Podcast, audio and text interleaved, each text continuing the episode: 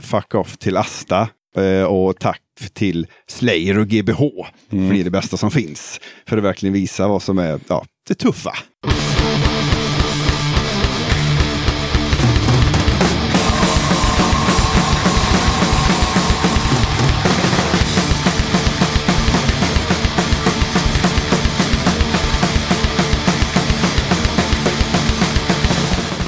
Tjena! Varmt välkommen till avsnitt 31 av Döda katten Podcast. Vi börjar som vanligt med lite speltips och musik. Den 29 april lirar Total Chaos från USA i Göteborg. Spelningen äger rum på Bengans Stigbergstorget och du köper in biljett på ticketmaster.se. 25 till 26 maj är det återigen dags för Band in Gbg. Allt är inte klart än, men infon hittills lyder. Up the Punks presenterar stolt Banding Gbg 2018. Då var det dags för andra upplagan av Banding Gbg. Denna gången smackar vi på med en tvådagars och de datum ni ska boka in är 25 till 26 maj. Bokade band samt lite överraskningar kommer presenteras fortlöpande under våren och vi är så peppade på att visa vad vi har kokat ihop under de senaste månaderna. Punkfestival i hjärtat av Göteborg. Inga konstigheter. Lirar gör Grilla Angreb från Köpenhamn, Out of Vogue från Göteborg, Wet Dreams från Norge, The Onos från Malmö Crime City, Baronen och Satan från Göteborg, Nej från Stockholm, Avfall också från Stockholm. Fler band tillkommer. Sammanfattningsvis, det händer den 25 till 26 maj. Tider kommer presenteras inom kort. Det kommer hållas på ett hemligt ställe. Priser och biljetter kommer också att presenteras inom kort. Så håll utkik på sociala medier för uppdateringar om Band in Gbg 2018. Har du som lyssnar tips på kommande gig eller skivsläpp så får du jättegärna mejla in till dodakatten.gmail.com. Nästa avsnitt kommer ut den eh, 2 maj, så gig och släpp efter det datumet är av intresse. Det har kommit in lite musiktips som vi ska ta och lyssna på. Innan vi gör det så tänkte jag bara nämna att Döda katten Podcast har en playlist på Spotify. Där hittar ni musiken från alla avsnitt av podden och listan fylls på efter varje nytt podcastavsnitt. Vissa låtar saknas och det beror helt enkelt på att de finns inte på Spotify. Bolaget Kramada meddelar att Deny släpper nytt den 27 april. EPn heter Parasite Paradise. Än så länge så verkar det handla om ett digitalt släpp på bland annat Spotify. Det här är Denys första platta sedan 2000 Deny är ett klassiskt hardcore punk-krustband som drog igång 1995. Medlemmar från Mehalium, Frost, Slaveriet och Fan ta er och tidigare medlemmar från Astakask, Martyrdöd, Skitsystem och Wolf Brigade. Hela Denys diskografi kommer att släppas digitalt under 2018 och 2019. Releaseinformationen lyder Mer än ett decennium av inaktivitet gick innan Denai återigen bestämde sig för att plocka upp instrumenten igen. Efter ett år med repetition och skrivande av nya låtar så gick de in i studion. Deras nya åtta låtars EP, Parasite Paradise, är en samling sånger där Denai vrider ur sin vrede och sitt förakt för hur människor med makt använder sin position för egen vinning och parasiterar på andra. Musiken beskrivs bäst som svensk old school hardcore punk-krust. Parasite Paradise spelades in i Studio Skogsbrynet under januari 2018. Mixning och mastering gjordes av Jocke Rydbjer i Wolfden Studio. Vi tar och lyssnar på ett spår från nya EPn. Här kommer låten Victims.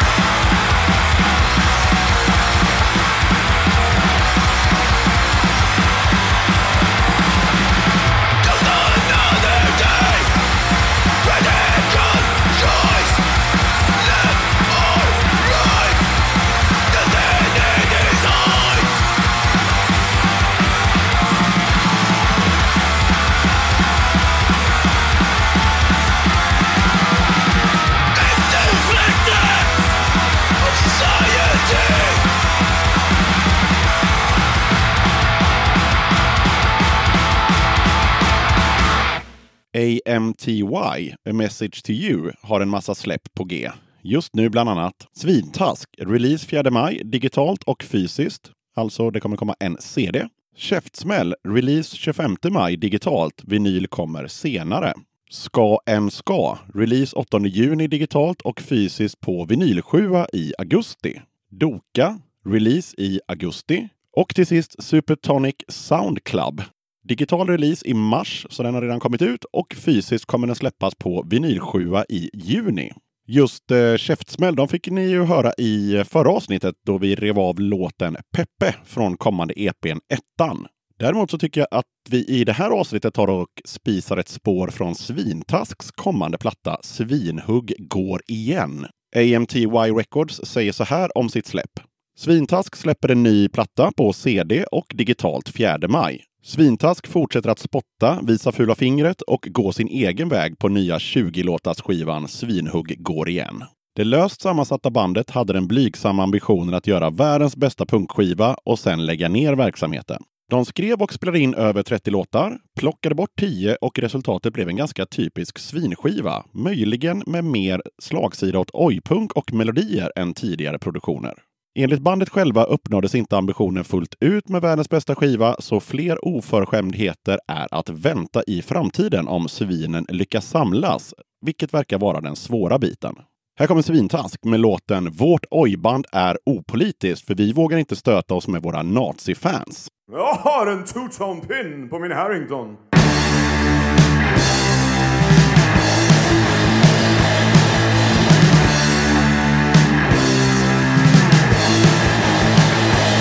Jag har en two-tone pin på min Harrington. Jag har Dr. Martens boots.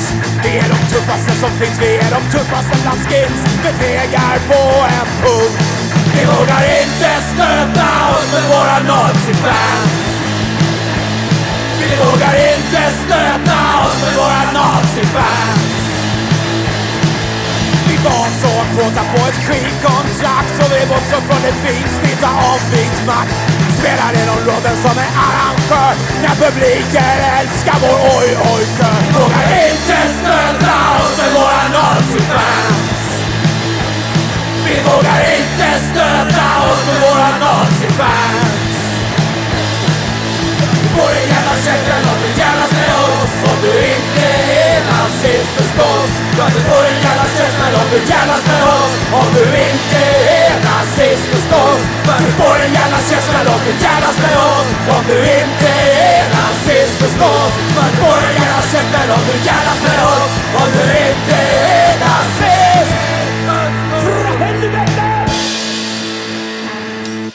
I och med att det ska snackas trall och svensk punkrock idag så tipsar Malin i Göteborg om låten Ångest del 2 från Grå Vardags LP Allting är grått. Här kommer den!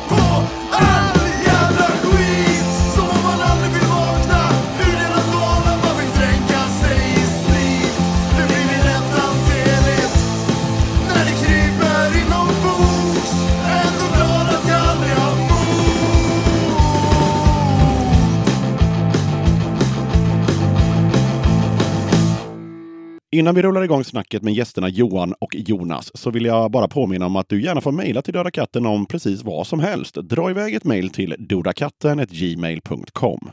Information om hur du gör för att vara med i eller spelas i den här podcasten kommer i slutet av avsnittet efter allra sista låten. Okej, då rullar vi bandet.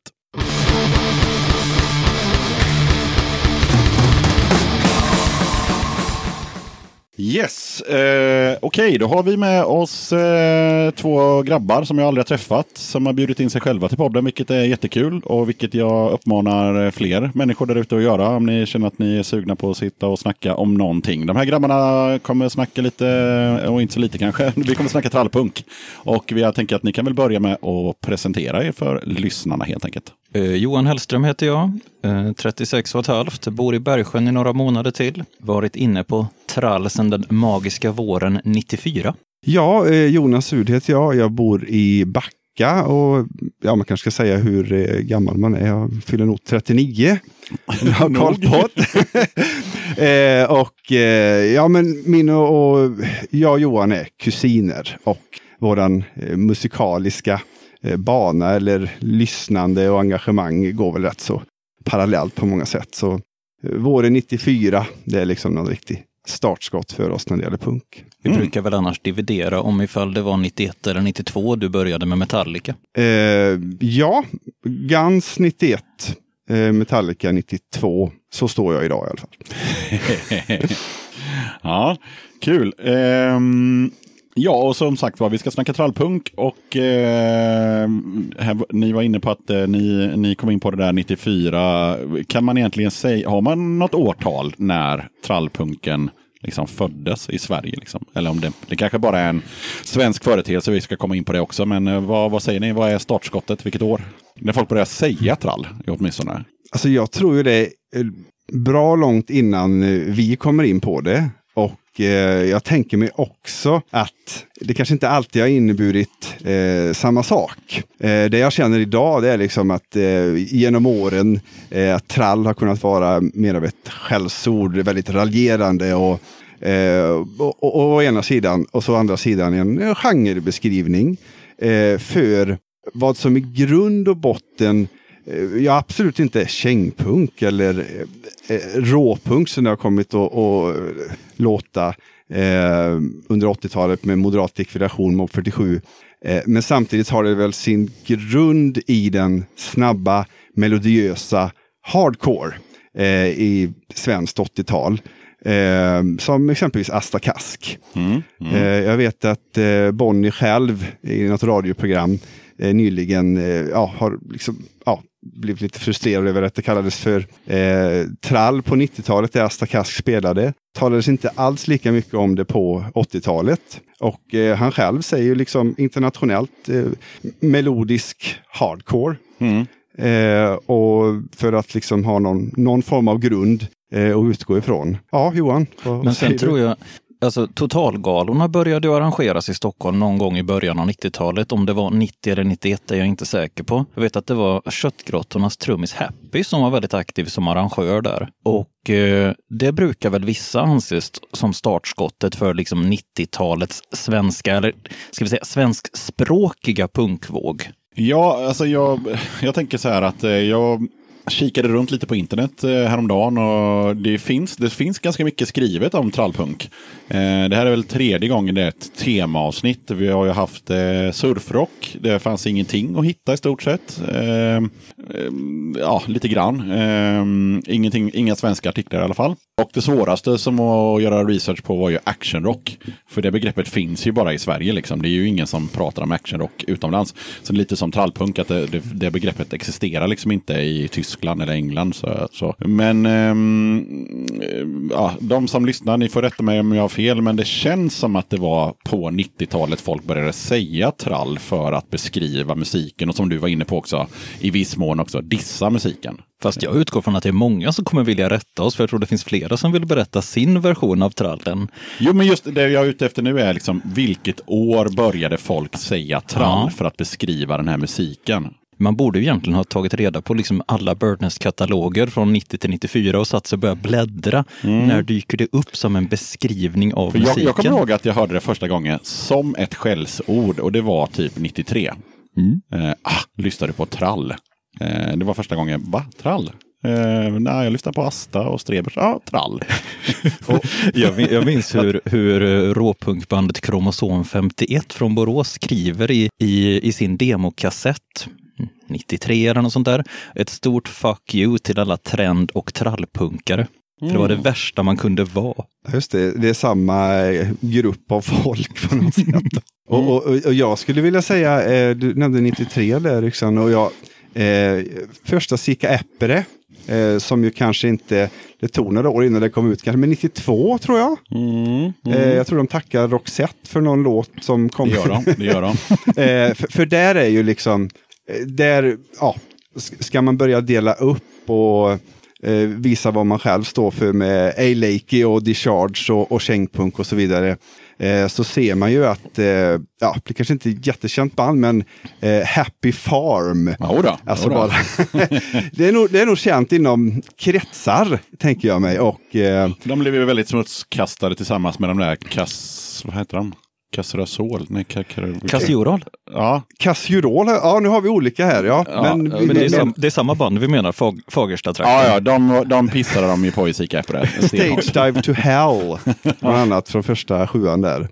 Eh, men det, det var väl egentligen ett eh, thrashband, eller ett försök i början och sen blev det väl hyfsat eh, ja, tekniskt eh, okej eh, med tiden. Eh, något band, Tebo-rockarna snackar de om också, vet jag, men jag vet inte hur de låter. Men, men där i alla fall så blir det väldigt uppdelning mellan vad som är eh, trall och i och med att, som Johan nämnde här, Totalgalan 91, då har man liksom samlat eh, mycket av eh, kanske band som har varit aktiva under 80-talet, men eh, ja, i, i en våg så, som, eh, som kommer runt 91 eller sitt...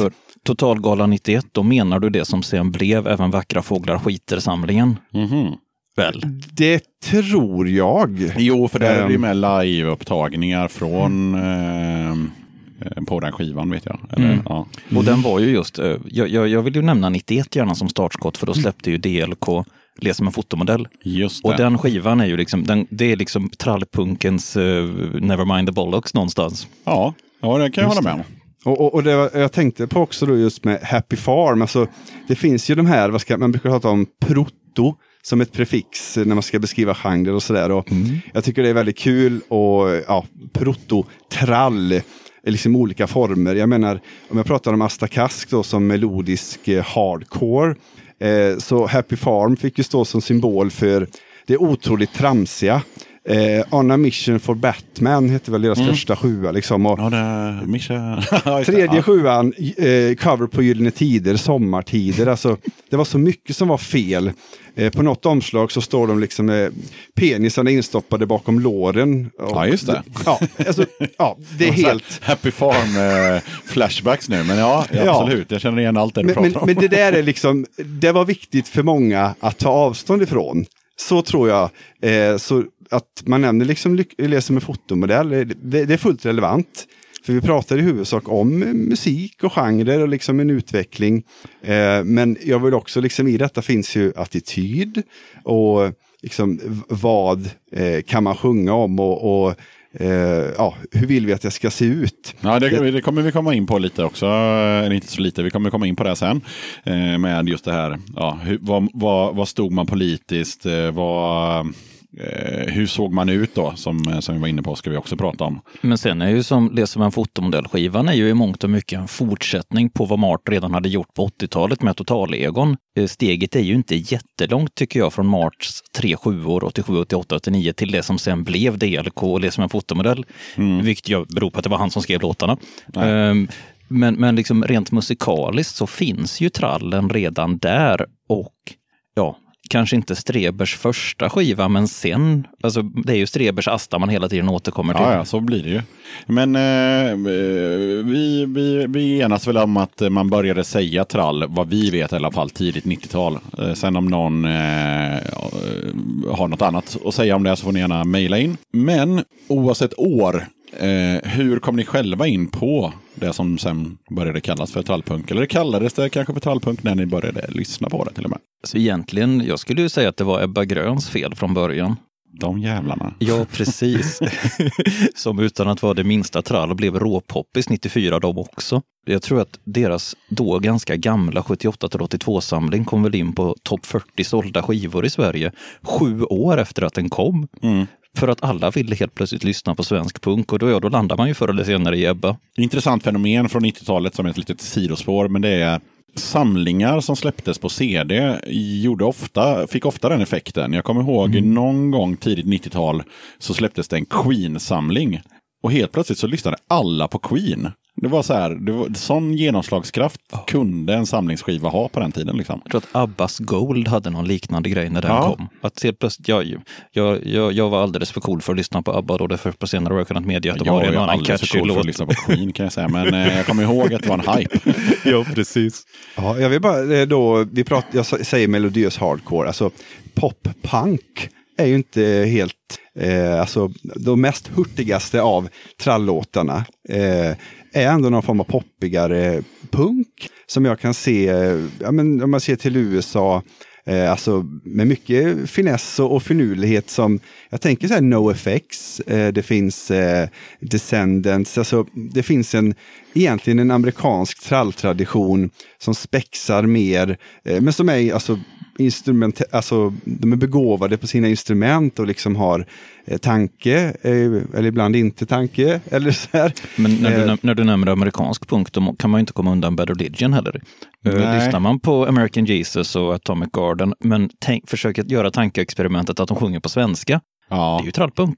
Ja, fast det jag definierar som trallpunk är ju även att det här, det finns någon slags, ehm, jag vet inte, det, det, det finns något väldigt svenskt i det som gör att det går inte att översätta det till Bad Religion på svenska. Eh, jag förstår hur du tänker, men det finns någon slags svensk nerv i det som gör att det kan bara komma från Sverige på något jävla vänster. Ja, Bad Religion hade väl aldrig fiol, det får jag ju medge. Eh, Nej. Eh, och eh, däremot mm, det här med kompetenta musiker är väl också någonting som är väldigt trallpunkigt. Det fanns säkert band som var ganska dåliga också rent musikaliskt. Men, men band som man tänker på som, som vi nämnde då, Asta och Strebers, men även eh, ja, radioaktiva räkor och, och allt som fanns på Birdnest och definitivt 50 spänn och Tuk Tuk Rally och, och så vidare. Det var ju liksom inte dåligt genomfört någonstans. Eh, Medan det var mer acceptabelt i till exempel Cheng-svängen eh, att ah, det, det, va, det blir som det blir. Eh, sen blev ju självklart de banden som var duktiga på att spela kom ju längre, men det var mer acceptabelt. Eller eh, så här ska jag säga, jag vet inte om det var mer acceptabelt. Det var mer bara att jag uppfattade det som att det jag fick höra som var trallpunk sällan var dåligt musikaliskt. Det kunde vara dåliga, tråkiga låtar och sådär, men, men genomförandet var sällan dåligt. Det, jag kan tänka mig också att um, alltså flera av trallbanden, och framförallt de ganska framgångsrika, var ju ganska gamla. De var ju i 25-30-årsåldern, hade spelat i 10-15 år. Alltså, både Karta och Köttgrottorna bildades väl 83? Något sånt. Och Dias Alma kom ur Streber som bildades 85. Alltså det, det var band, medlemmar, musiker som hade hållit på ganska länge. Sen fanns å andra sidan äh, Räsebergs äh, radioaktiva räkor som ju var yngre men kompetenta ändå. Ja. Sen har väl Räsebergs själva pratat om hur dåliga de var i början. Ja, och jag skulle väl aldrig vilja någonsin erkänna Räseberg som ett bra band. Men däremot så Radioaktiva Räkor skulle jag, i, min upplevelse var att Radioaktiva Räkor var det första bandet som var ett trallband, alltså på riktigt. Alltså de så här, eh, det fanns säkert andra band, men som gav ut en skiva som jag fick lyssna på. Vi måste tänka på att det här var långt innan internet, så det var det som gick att köpa. Då kände jag att Radioaktiva Räkor är ett band som är trallpunk för att de, de, de vill vara ett trallpunkband. Medan Asta och Strebers knappast var något trallband, utan de var ett punkband. Eh, sen satte Mm. folk senare stämpel på dem som trallband och sen blev de influenser för exempelvis, inte fan vet jag, eh, eh, Skumdum och så vidare. Alltså, Så- eh, så- så- utan dem så hade ju inte Radioaktiva Räkor och, och Charles Hårfager och sådana här band ens funnits. Liksom. Nej men verk, verkligen, för de, Strebers hängde ju med in i trallsvängen och fortsatte ju i, även efter, som, som Dias Alma sen då. Men, men Asta var ju inaktiva hela den här tiden. De hade sina återföreningsspelningar 89 och 92. Mm. Men det var det enda. Asta liksom låg döda och begravna Ja, någonstans i Skaraborg. pikade i mitten på 90-talet så borde ju Asta, om de hade velat eh, casha in, Mm. eh, gjort en, gjort en, en sommarturné där. Då hade det gått bra kan jag säga. Jag minns ju jag fick för mig att de skulle återförenas 95 eftersom, och det, här var, det är typiskt Johan-logik, de la ner 86. Återförenades 89 och 92. Således borde de återförenas 95. Jag hade ett långt resonemang med mina kompisar om att men så här borde det ju vara. Det dröjde några år till innan de återförenades. Astas livscykel, eller livscykel du- enligt du- Johan. Ja, fick ju mig att tro på det. Jag, jag minns nu hösten 95 hur jag fortfarande väntade på den här återföreningen och att den borde komma. Och det var någon gala i Stockholm där de mycket väl skulle kunna ha spelat. Inte om det var Beat Butcher som anordnade eller Ja, det var det säkert om det var i Stockholm. Ja men det var någonting och du, Johan du sa det att eh, ja men där, där kommer de liksom. Som det största namnet, de kommer släppa det. Och sen minns jag att en stor grej var att jag insåg att jag var 14 år då.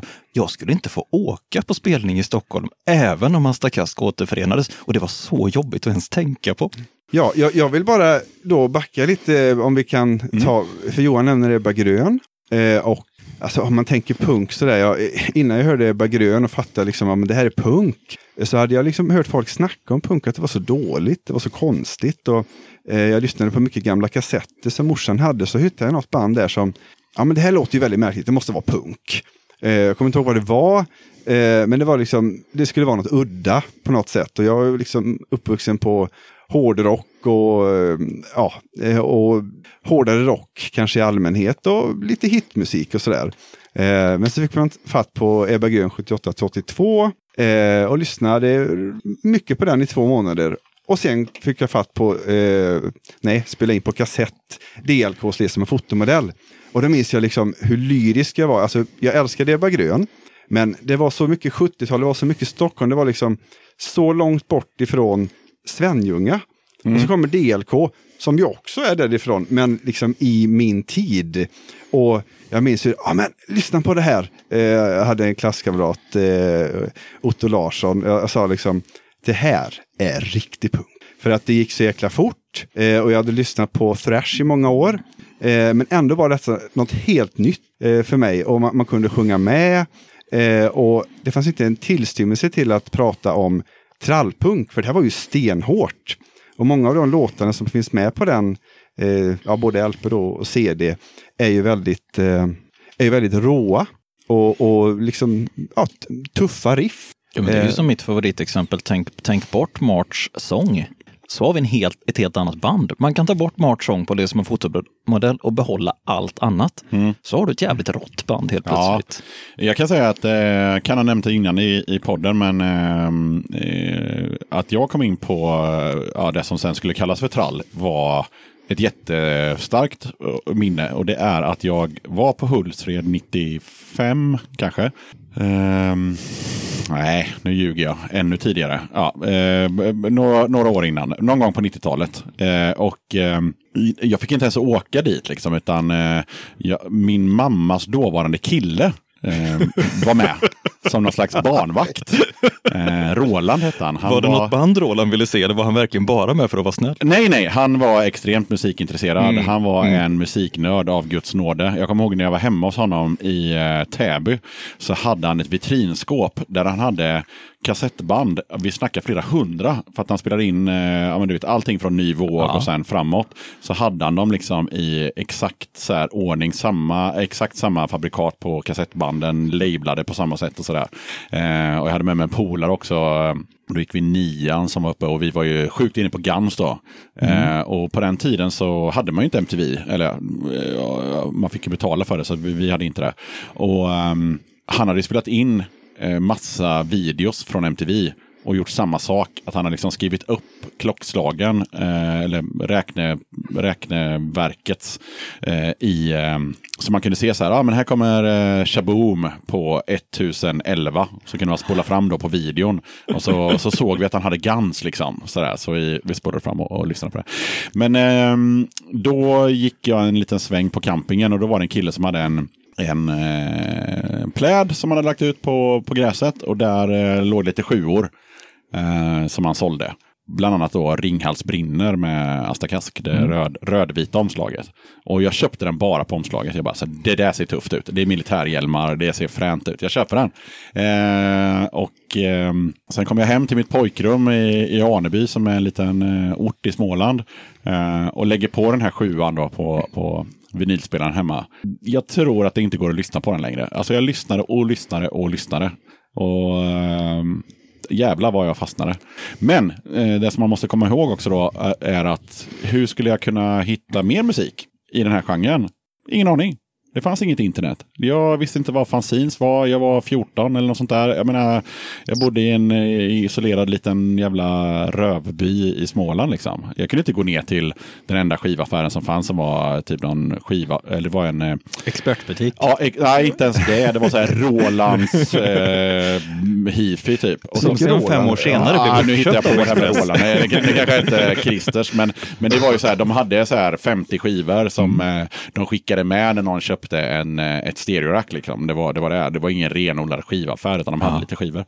För övrigt där jag också hamnade på, eh, kom in på The Cure. Eh, Köpte, de hade, hur otroligt det än låter, så 1987 så hade de en, hade de en dubbel-LP med The Cure på den här eh, lilla icke-skivaffären.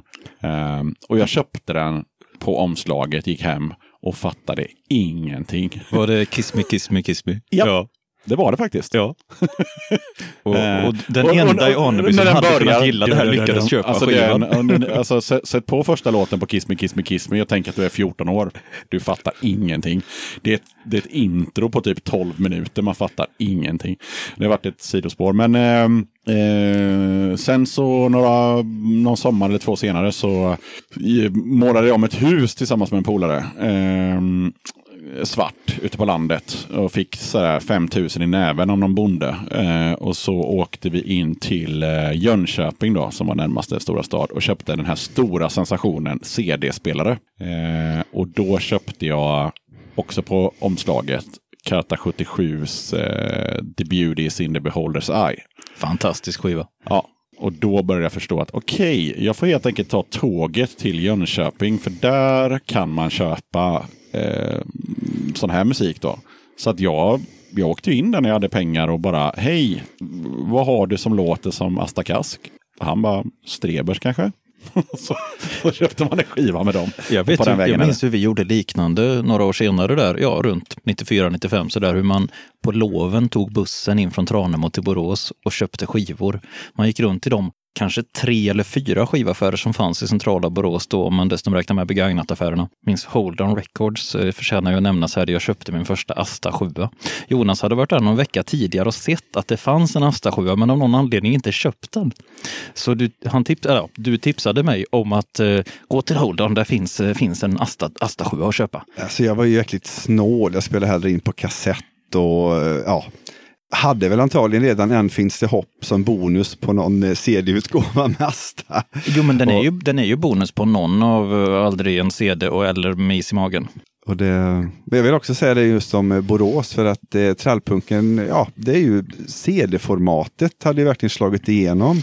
Och jag menar då fanns det också ny, nya släpp med aktuella band som eh, spelade. Eh, och så kunde man åka in till Borås för våran del då och, och hitta dem där.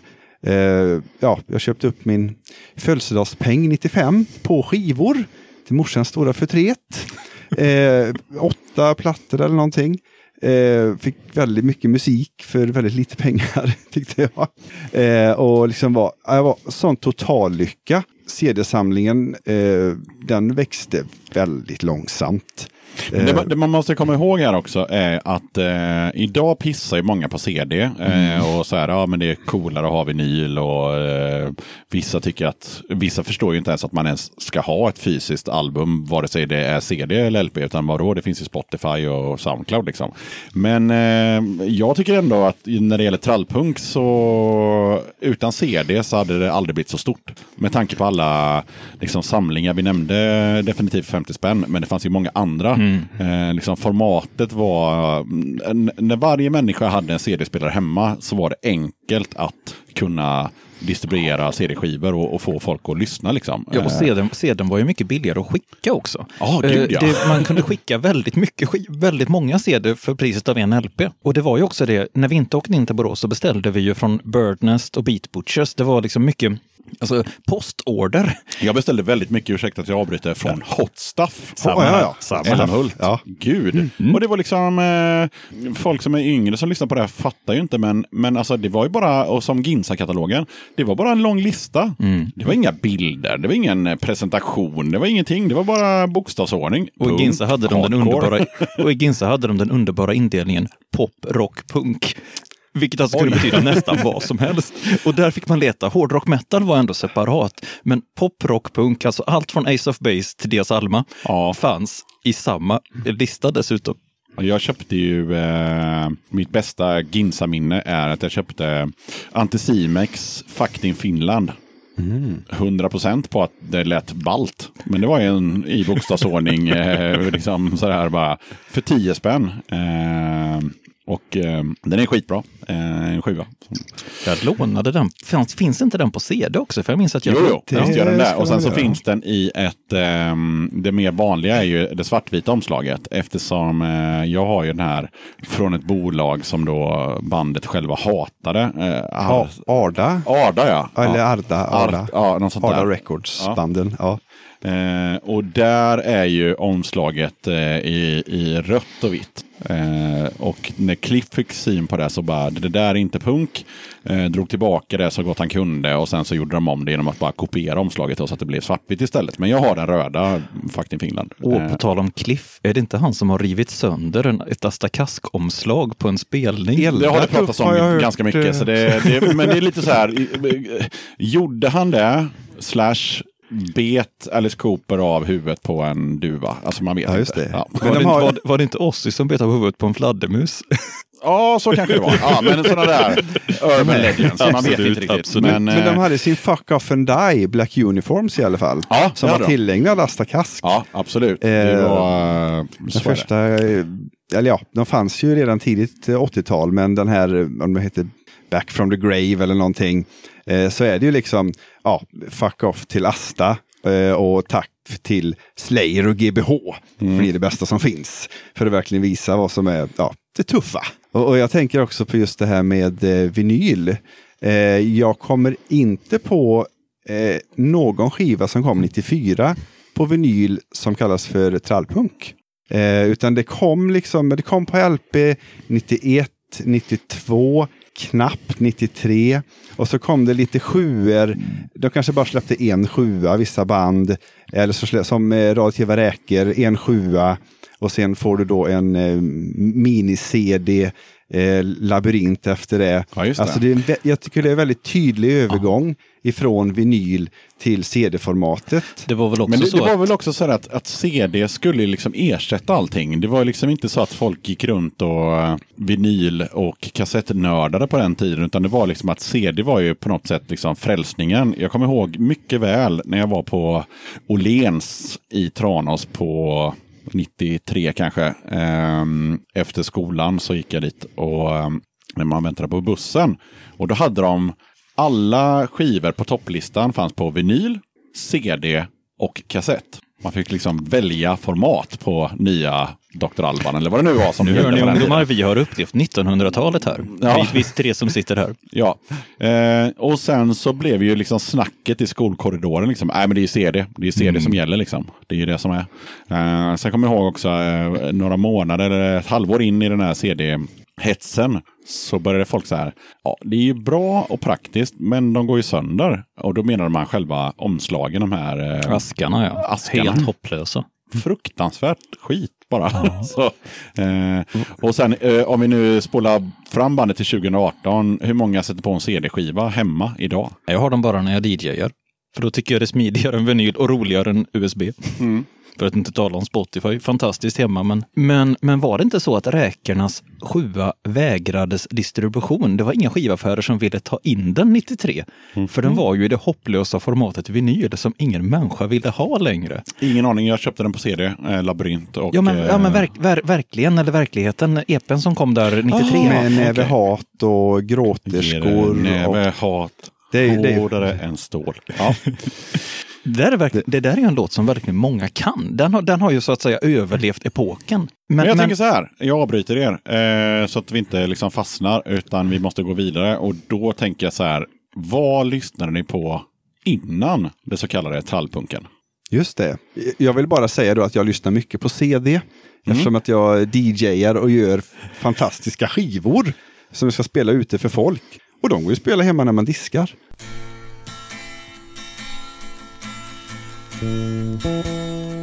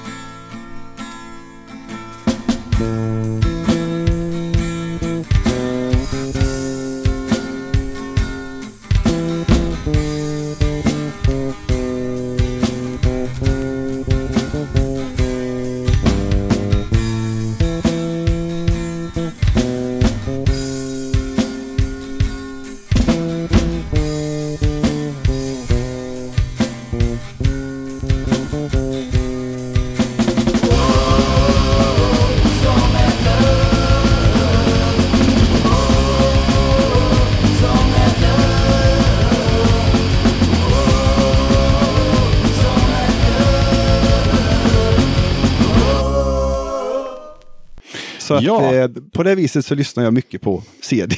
Och du bränner fortfarande CD-skivor? Eh, jajamän. För jag skulle Det- göra det nämligen för några månader sedan. Denna när, jag skulle, när jag skulle. DJa och jag bara så här.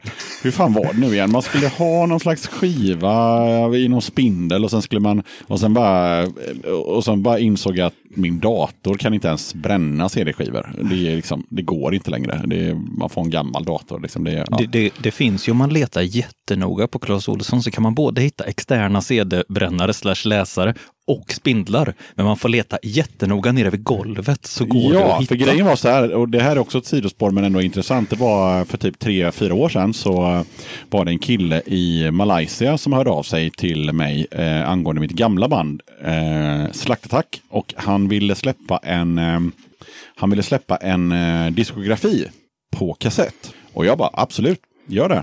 Det kostar ingenting. Skicka mig några kassetter bara så, så det är lugnt. Och då ska jag säga, jag kan skicka dem på Sprend. Alltså du vet så här, så har du dem.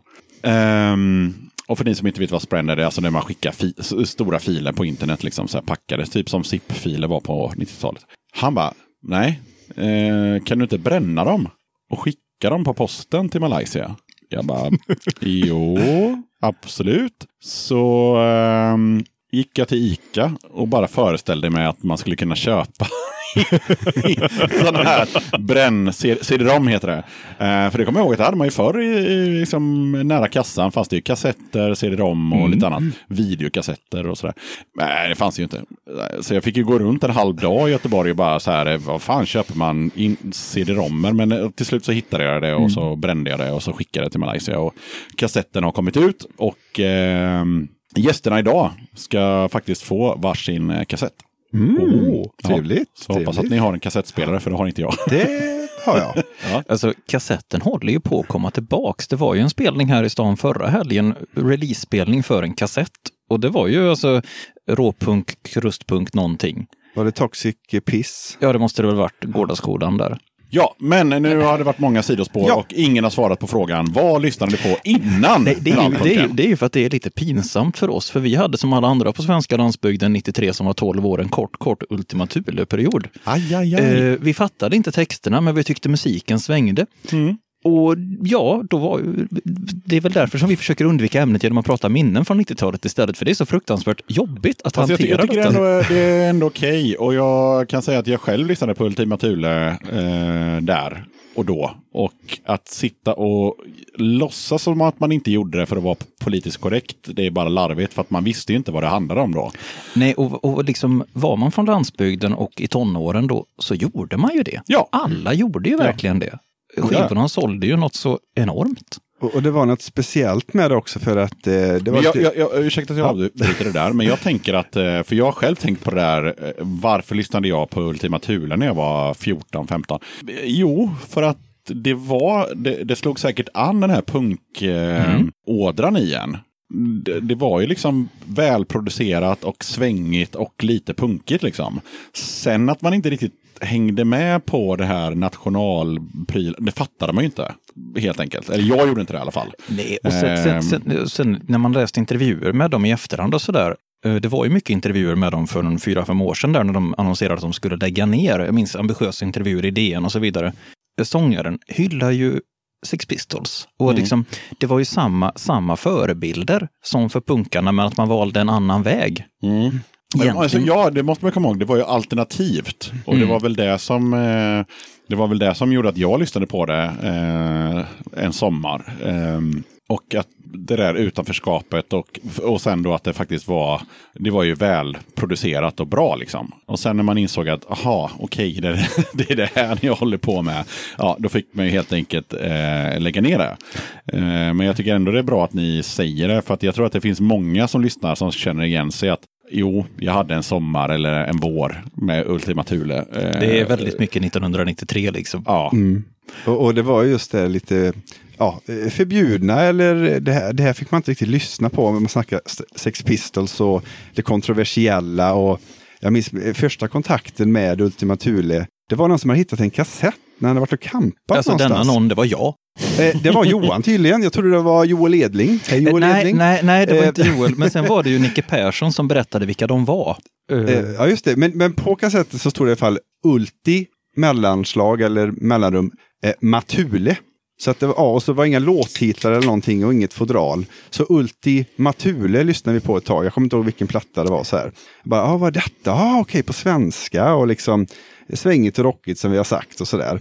Eh, och, och det fanns ju också att få tag på de här eh, CD-skivorna som, som kom. Ja, för det är också viktigt att, att komma ihåg när man pratar om Ultima Thule idag, att en ganska stor tidning då inom den svenska musikvärlden, alltså åtminstone liksom halvalternativ musik, var ju Backstage. Ja, just Den, det. den var jättestor.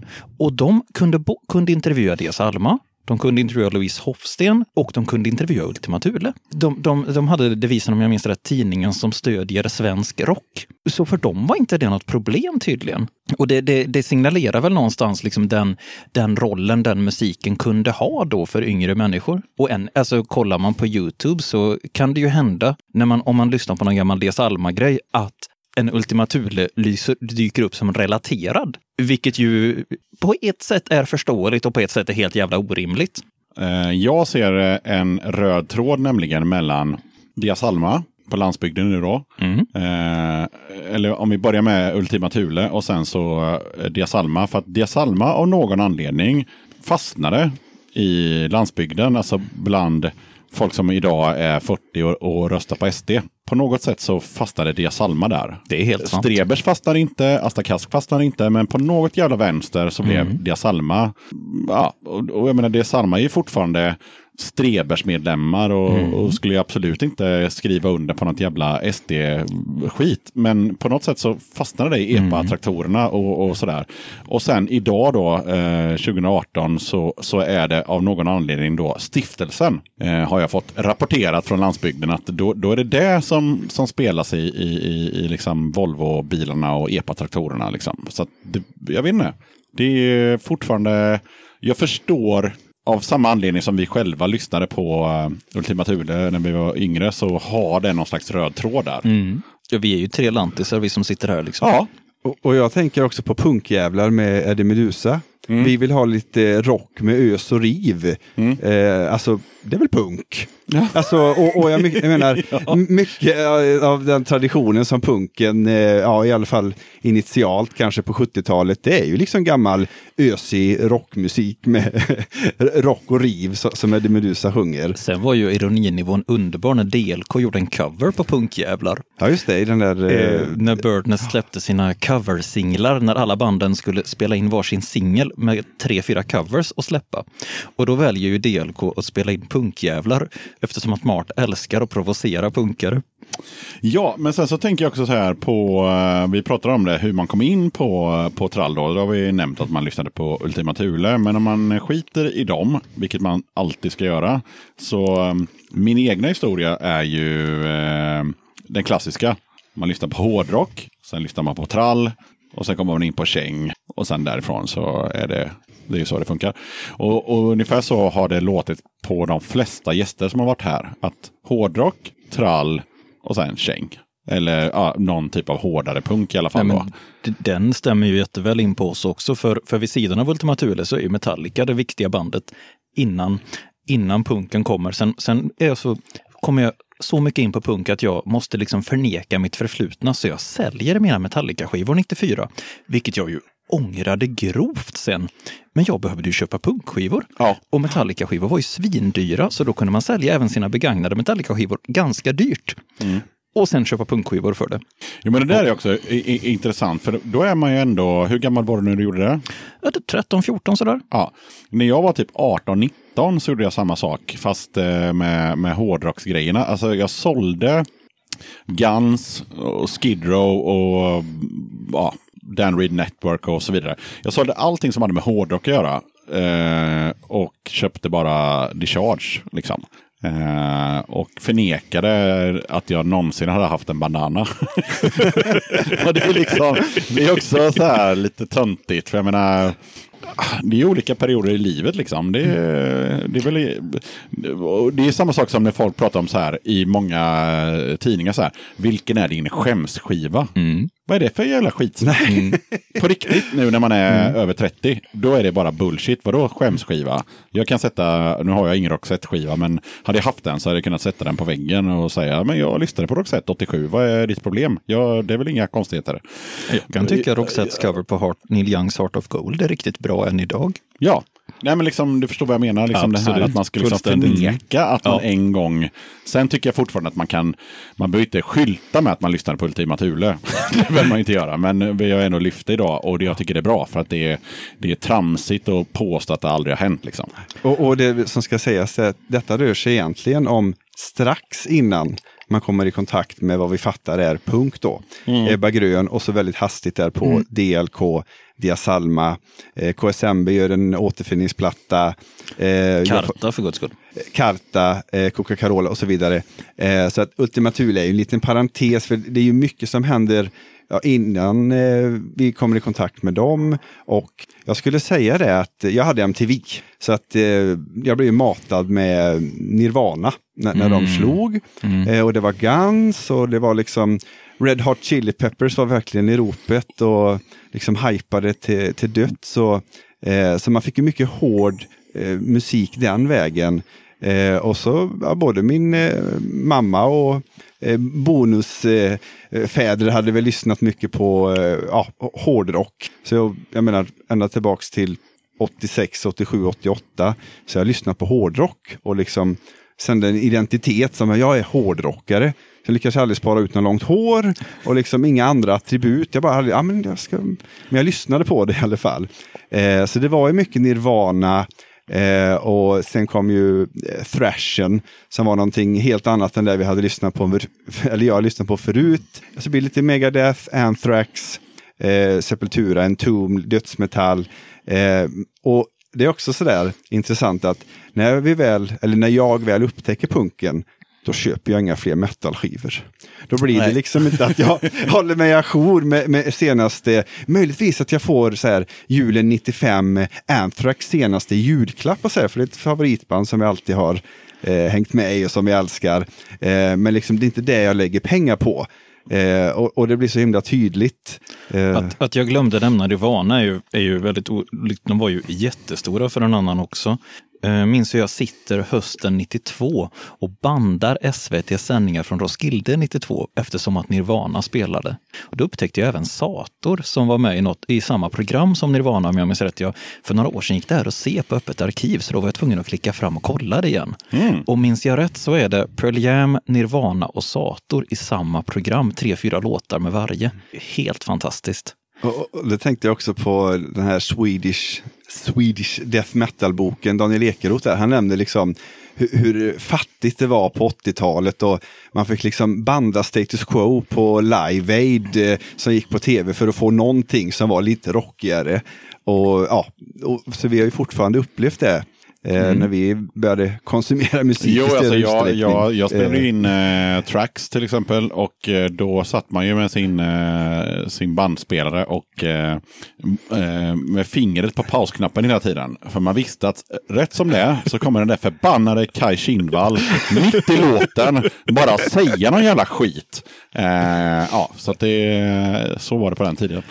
Och sen var jag tvungen också att banda Svensktoppen för att ibland kunde det vara någon låt som var eh, lite hårdrockig som ändå hade kommit in på Svensktoppen och då var man tvungen att kolla. Men eh, nog om nostalgi. Eh, eller ja, det är inte alls nog om nostalgi för det kommer fortsätta. Men jag tänker den stora frågan. Trallpunk. Vad krävs det för att vi ska kunna kalla ett band för ett trallpunkband? Döda katten podcast. Jag passar på att hoppa in här lite snabbt för att berätta att du har möjlighet att stötta Döda katten om du tycker att det jag gör är bra och att du vill höra fler avsnitt.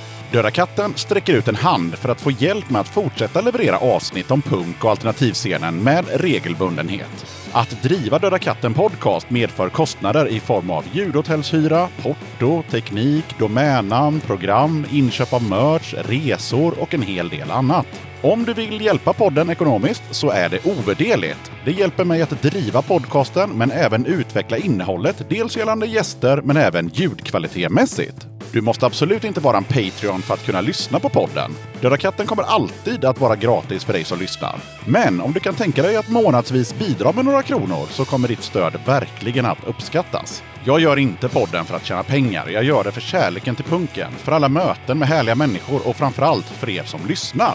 Eran feedback är den största anledningen till att jag fortsätter. Kika gärna in på patreon.com dodakatten. Länkar till kattens Patreon-sida hittar du på Döda Kattens Instagram, Facebook, Twitter och eh, på dödakatten.se. Det är viktigt att de sjunger på svenska. Mm. Det kommer man inte ifrån. Nej, det går inte att sopa under mattan. Annars blir det skate. Väldigt Ja. lätt. Ja. Ja, eller, eller liksom eh, alltså besläktat. Eller, jag menar, man gör ju misstaget att tänka att all trallpunk var väldigt homogen. Det var den ju inte. Definitivt 50 spänn-skivorna hade ju engelskspråkiga låtar med. Hymans, liksom eh, Dalarnas bästa Ramones, fanns ju med på, band, på, på de skivorna och de var ju absolut inte trall. Men, men sånger på, eller texter på svenska, ibland folkmusiktoner, men vi ska inte överdriva. Eh, DLK har inga folkmusiktoner. Det är väl mest Reber som har det. Ja, Strebers Dia Salma. Ja, det är väl egentligen bara Ja. det. Alltså, ja, ja. Så skillingtryckstrall som egentligen är väldigt mollig då, eller dyster. Eh, Och- det, ja. Sen- Sen är, ju, sen är det ju väldigt viktigt att ha de obligatoriska låtarna. Man ska ha låten mot EG snedstreck EU. Man ska ha den antirasistiska låten. Alltså, så, sådana saker är ju väldigt viktiga markörer. Det skulle vara roligt att ta fram något slags test där, att börja pricka av hur ofta det dyker upp. Jag menar som om vi tänker på Strebers sista skiva, Högervindar är ju så himla representativ. Uh, någon slags halvgrund vänsteranalys. Och jag kan ge mig tusan på att de nämner, ja, de nämner EG i den, jag är nästan helt hundra på det i alla fall. Med EG, i Sverige, med EG blir Sverige en världsmetropol. Och liksom, det, det är så klassiskt, det är så himla klassiskt. Och jag vill också Det kan man också säga för de som lyssnar att eh, när man slu- alltså, om, om, om ni lyssnar på en eh, sån punklåt där man säger EG istället för EU, då är man på 90-talet. Och då kan den finnas på vinyl. Ja, För det är ju någonstans ett byte till EU slutet av 93 om jag inte missminner mig. något sånt. mm. vi skulle Eh, rösta och- och lite sån skit där, kommer jag ihåg. Ja. Och, och, och det är inte mycket om vad jag har hittat om EG på 80-talet heller. Så det är liksom under några år där liksom motståndet mot EG är så centralt tema. Räsebergs första sjua heter Drömmen om EG. Den kommer 92. Men nu har jag ett eh, citat från eh, Wikipedia som ni ska få låta sjunka in och eh, reflektera och kommentera. Och det är eh, Trallpunken uppstod någon gång under 1980-talets slut och tidigt 1990-tal ur den mer melodiösa svenska hardcore-punken. Trallpunken influerades av kända band som Strebers, Karta 77, men även mindre kända band som Puke, Happy Farm, Kravallsubban Lever och Totalegon. Kravallsubban Lever kommer jag ihåg namnet på från Birdnest-katalogen, men jag har aldrig någonsin hört dem. Inte jag heller. Puke kommer man ju ihåg från Really Fast-skivor. De kanske till och med var med på Varning för punk. Hade de inte någon låt som hette Stek är äckligt? Men jag kan inte påminna mig hur de lät. Jag har ingen aning. Alltså Puke, eh, alltså, och det här är väldigt intressant om man liksom ska dra ut det i eh, fram till idag. Eh, de, de släppte en kassett eh, 84 och eh, då var det en gitarrist och sen tillkommer en andra gitarrist. Eh, och de får ett väldigt säreget sound med mycket melodier. Eh, kanske liksom lite, ja vad man mer kanske tänker hårdrocksslingor. Eh, men också vemod. De är från Skåne. Eh, de kör ofta väldigt snabbt. Det verkar vara mycket intern humor. Eh, och eh, skulle jag aldrig få för mig att kalla för trall. För att eh, just, ja, jag tycker mer att det låter som eh, mycket norsk hardcore ifrån 80-talet. Eh, med melodi men också vemod och, och rätt så rått och mangligt. Men hur var det på Wikipedia-citatet du nämnde där Yxon? Var både Asta och Strebers med eller Ja. Eh, var, hade, hade något av banden mista, missats? Nej, alltså det som står är Strebers Karta 77. Så där är inte Asta med. Men däremot så, så eh, kommer eh, en ytterligare Wikipedia här. Och det, då står det så här. Trallpunk är en svensk punkstil som bygger på trallvänliga melodier, snabb trumtakt och ofta politiska texter. Parentes, vänsterinriktad. Eller berättande texter. Trallpunkens pionjärer sägs vara Asta Kask och Strebers. Dock råder det delade meningar om detta. Trallpunken fick en ökad popularitet under 1990-talet, mycket tack vare Café 44s punkscen i Stockholm och bandet De Lyckliga Kompisarna. Och då återkommer jag ju till att ja, jag tycker att Räkorna är mera trall och sen tycker jag inte att Karta 77 är ett trallpunkband i huvudtaget. Men det är min personliga åsikt. Alltså, jag, jag tycker inte att Karta 77 är ett trallpunkband. Jag tycker man kan säga att Karta från Hobbydiktatorn och de två, tre skivorna som följde på det är trall. Men lyssnar man på Karta när de sjöng på engelska, då är ju de New Model Army liksom. Exakt. Uh, och, och före det så är de ju betydligt råare. Så Karta har ju, liksom, Karta har ju bytt musikalisk kostym rätt Ja, många för gånger. Mm. lyssnar man på en björn och en tiger, då är, vi, då är det ju trallpunk igen. Så- Men det är ju långt, långt senare. Absolut. Så- Och man får liksom se då att vi har en från 83 till, till idag med Karta och eh, det skulle vara väldigt orättvist att kalla det för trall under hela den epoken. Eh, och jag menar, de har haft så mycket influenser. Vissa låtar är väldigt Nirvana eller grunge-liknande. Och eh, om man tänker också eh, tematiskt vad som finns i lyriken och sådär, eh, så är det ju de tramsar inte, eller vad ska man säga, de spexar inte som DLK i alla fall. Eh, utan det är ändå ett visst eh, allvar och eh, seriositet på något sätt som man vill eh, få fram. Men det är det som är så roligt också med att, jag för mig att jag sa tidigare att man gör misstaget att tänka att all trall är ungefär likadan. Att även om vi kollar på de allra största banden så är de ju väldigt olika. Karta och Dias Alma är gravallvarliga oftast. DLK och Köttgrottorna är mer åt det andra hållet, men kan i gengäld ha betydligt mer politiska texter än Karta och Dias Alma. Alltså DLK är ju både tjo och tjim och ganska stenhårt politiska texter och Köttgrottorna samma sak. Jag tänker direkt så här, äh, ska jag drämma till med ett annat band så tänker jag på så här Tuk Tuk Rally. Var Men ju Tuk väldigt... Tuk Rally var ju verkligen inte punk. Nej, nej, Tuk Tuk Rally var ett av de bästa banden under den tiden, men de var fan inte punk. nej. Men det, men, eh, ja, ja, och som racerbajs och så vidare som jag nämnt innan. Så att, ja. Jag, jag bara säga det också just att eh, oftast så går det ju rätt så fort. Eh, för det var det jag kände då att det var riktig punk med DLK när jag fick tag på Lesa med fotomodell. Och Ebba Grön, det är ju liksom den klassiska fyrtakten. Alltså, Eh, det- Ebba, Ebba Grön är ju, är ju, är ju rockmusik. Liksom. Eh, Ja men precis. Och, och, och Nu med liksom, facit i hand. Och det som jag tyckte var lite intressant när jag var typ 10, det var just det där att alla sa att eh, punk, eh, det är band som inte kan spela. Och så fick jag min första punkskiva som var Nevermind the Bollocks. Och jag var ju 10 eller 11 år gammal. Jag bara, de kan väl visst spela? Ja. Det hör man ju klart och tydligt. Ja. det, det, det är inte så att det låter illa på något sätt, utan det är bara att det har en hård attityd. Men, men det är ju fortfarande välspelat liksom, med kompetenta musiker. Så, ja. men, sen, sen, sen, nu nämner vi väldigt många kända band hela tiden. Ja, det återkommer Mm. till ungefär samma band. Alltså, det fanns ju hur mycket mindre känd trall som helst. Det hade varit roligt att ha en lista nu med band och bara namedroppa, men om jag ska ta från huvudet liksom Tondöv Terror, Gymnastiken, Mammas Gymnastiken, ja. Asbest från Borås, EG-anpassningen, en stor favoritlåt. Just EG-anpassningen återigen där. Alltså, det fanns ju så himla många trallband eller band under samma tid som ingen idag kommer ihåg nästan. Abstrakt från Falköping. Hur ofta pratar man om abstrakt från Falköping idag? Liksom? tarmgas. Ja, från Piteå. Ja men något så jag- eh, moderat M. Det var så jag upptäckte Björn Afzelius. De gjorde en cover på En kungens man. Just det. men vi har ju också Senap, Mm. eh, Slutstation Tjernobyl, Underbart band. Smutstvätt och Snorting Maradonas. Eh, kommer jag ihåg att jag gillade. Det är, för- först, det är första gången vi varit inne på ett band från denna sidan millennieskiftet. Ja, men precis. Och det är väl Eh, ganska talande. Så ja, men det, det blir ju det. Men eh, ja, och eh, här har vi smutstvätt också. Ja. Nej, men eh, så är det ju såklart. Eh, sjukdom vill jag nämna också. Det var ett av de tidiga banden som inte var särskilt kända kanske utanför, vad var det från? Partille, De var, var det inte Surte Bohus Jo, någonting? det kan det ha varit. Eh, en sjua och en eh, mini-CD och sen var det slut. Det är väl ett av få band från den tiden från Göteborg också. Alltså, Göteborg Jag var verkar... inte så inne på trall. Nej, alltså Fågel Blå kan man väl nämna. Eh, fast de är ju egentligen tidigare. Annars kommer inte jag på. Alltså visst, sen, sen, sen återförenades Troublemakers, men jag vet inte, Troublemakers trall, är Nej, inte nej, det nej. mer Troublemakers är som ett hårde Ebba Grön. Man, Ja, man kan säga, man ja. kan, ja, det, det börjar luta åt trallpunken på något sätt kommer från landsbygden. Och det, den röda tråden blir ju lite det att vi pratar om eh, Ultima Thule och så vidare. Att alltså det är ju...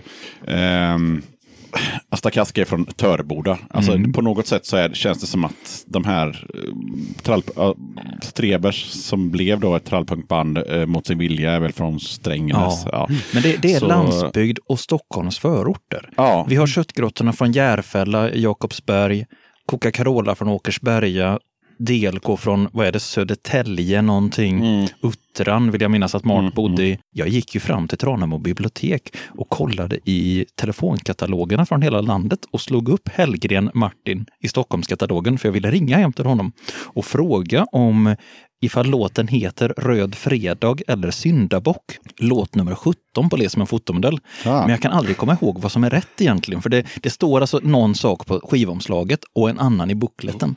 Ringer du? Jag ringde Ja. och han frågade, han var trevlig och sa, jaha, ja, vem är det jag pratar med? För jag hade ju inte tänkt på att man kan ju presentera sig när man ringer till en Ja, person. det är en bra grej. Jag var 14 år och liksom hade inte riktigt fattat det. Men jag minns ju inte vad han svarade. Det är det som är så jobbigt. Ah. Men eh, sen har ju gästerna i eh, dagens podcast också eh, skickat med mig lite information och då har vi det här med när punken kom till Limmared. Som jag då gissar på är någonstans utanför Borås. Tranemo kommun eh, ordnade spelning med mögel, vakuum i Limmared, ja, helt enkelt. Eh, 94 på mellandagarna. Ja, detta var 28 december 1994 och då var det, alltså trallpunk, vad jag säger, asså mycket. Eh, trallpunken och pu- svenskspråkig punk var ju väldigt inne. Och vi var ganska många på högstadiet i Tranemo kommun då som gillade trallpunk. Så vi började prata med kommunen som ju visade ett visst intresse för oss högstadieelever ändå. Vad vill ni ha? Och vi sa, vi gillar punk, det finns många bra punkband i Borås. Så då ringer kommunen och bokar in mögel och vakuum på en Oj. spelning. Sätter 12-årsgräns om jag minns rätt. Man skulle gå i sexan och uppåt. Och var det inte så också att de bokade in ett popband, en skål med taxar? Ja, just det, som Eh. ingen människa ville se. Ja, men var inte det lite sån där grej att ja, men då, vi måste ändå liksom ha lite bredare kanske, att vi lockar med lite va vanlig musik eller så. Ja, men Eh. verkligen. Att sen, att sen alla som var där ville se mögel och vakuum, det var en annan sak. Men eh, det som vi pratade om tidigare också, eh, det här med trallpunk som ett skällsord. Är det någonting som ni känner igen eller kommer ihåg? Eh, ja, alltså det har ju man stött på eh, rätt tidigt. Eh, alltså, när jag fick Varning för punk, den boxen, i julen 94 eh, och upptäcker mycket råare akter än än vad jag hade hört tidigare. Och 95 blev mer och mer bekant med eh, kängscenen som fanns då och även eh, äldre svenska råpunkband. Eh, och Uh, ja, jag tror att när jag liksom själv rent estetiskt började experimentera med punkgrejer med, med tuppkammare och sådär så ja, det var liksom ett mischmasch. Liksom. Jag, jag fick ta det jag hade. Jag hade någon slips som jag har skrivit snobb på. Alltså det, det var väldigt do it yourself och egentligen väldigt punk. Eh, och detta var liksom ettan på gymnasiet. Eh, tittar man på hur jag ser ut i tvåan på gymnasiet Ja, då har jag helt plötsligt bytt till uniform. Det är liksom bra ställd tuppkam och det är Mob 47 eh, t-shirt, klorblekta jeans, tjej, alltså ja, jag har liksom hittat mallen på något sätt. Eh, och eh, då har jag också liksom blivit väldigt medveten om vad har man på jackan? Skriver man racerbajs? Eller skriver man total armsvett? Och kanske Disfear eller Ars Destroyer. Man börjar liksom fatta det här och eh, vad som står högt i kurs och så vidare. Eh, och jag, jag minns, eh, detta var 97, jag kommer till en spelning i Gislaved. Eh, det skulle vara bara Three Way Come, Operation och ett gäng andra diskonto. Eh, och så kommer det fram en och så har jag skrivit Asta Kask på min eh, jacka. Tänkte jag, ja, så kommer han fram, ja, Asta, de är redigt bra. Och jag trodde han drev med mig. För jag hade ju då Asta Kask just för att eh, ja, det var så här kaos och discard och anticimex och shitlickers och liksom i övrigt. Men så hade jag Asta Kask just för att se vilka reaktioner får man då.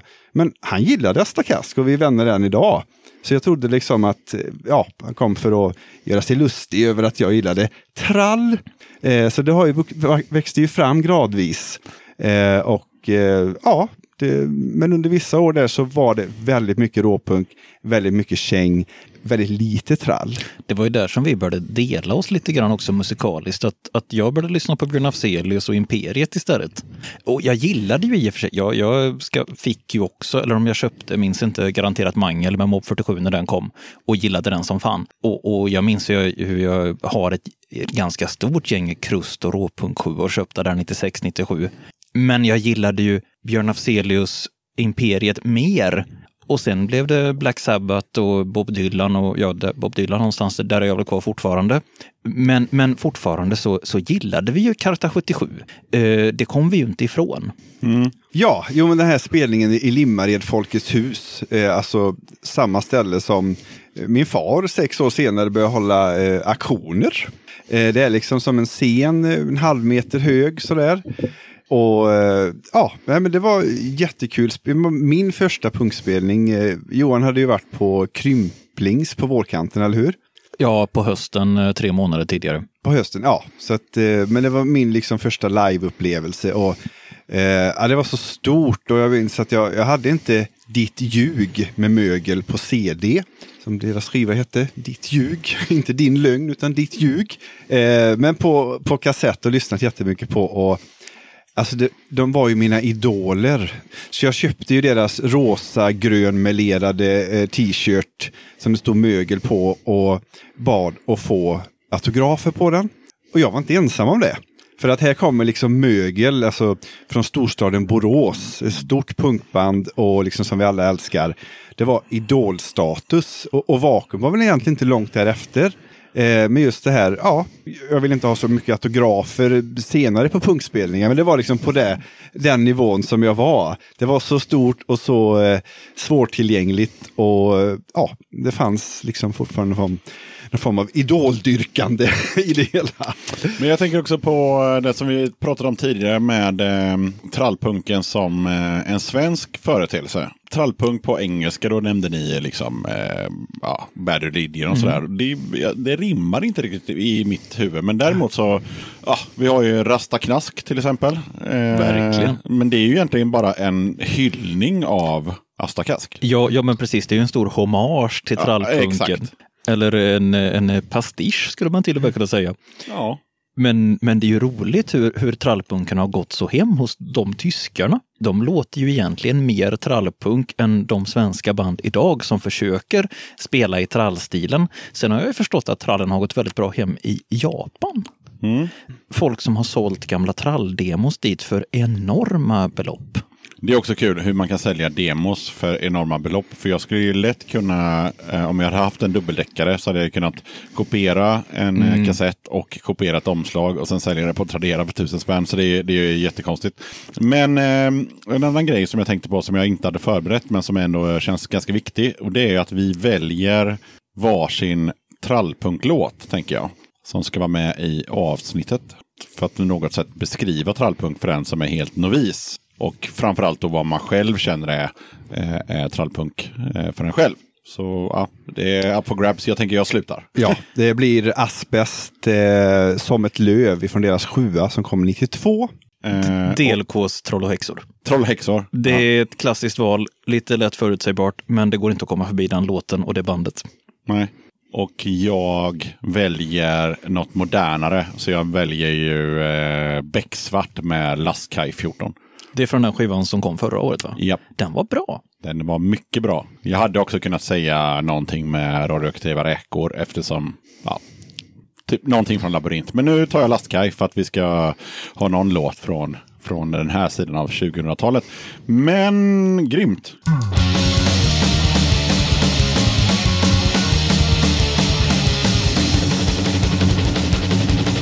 De kommer från fattigdom, de kommer från förtryck Men du är jävla dum så du tror att de kommer från skogen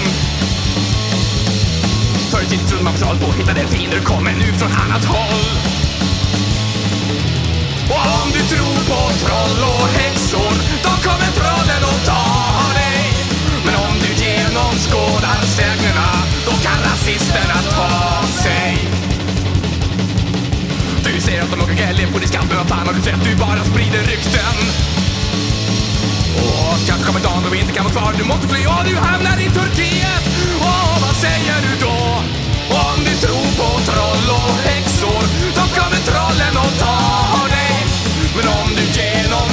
final seven.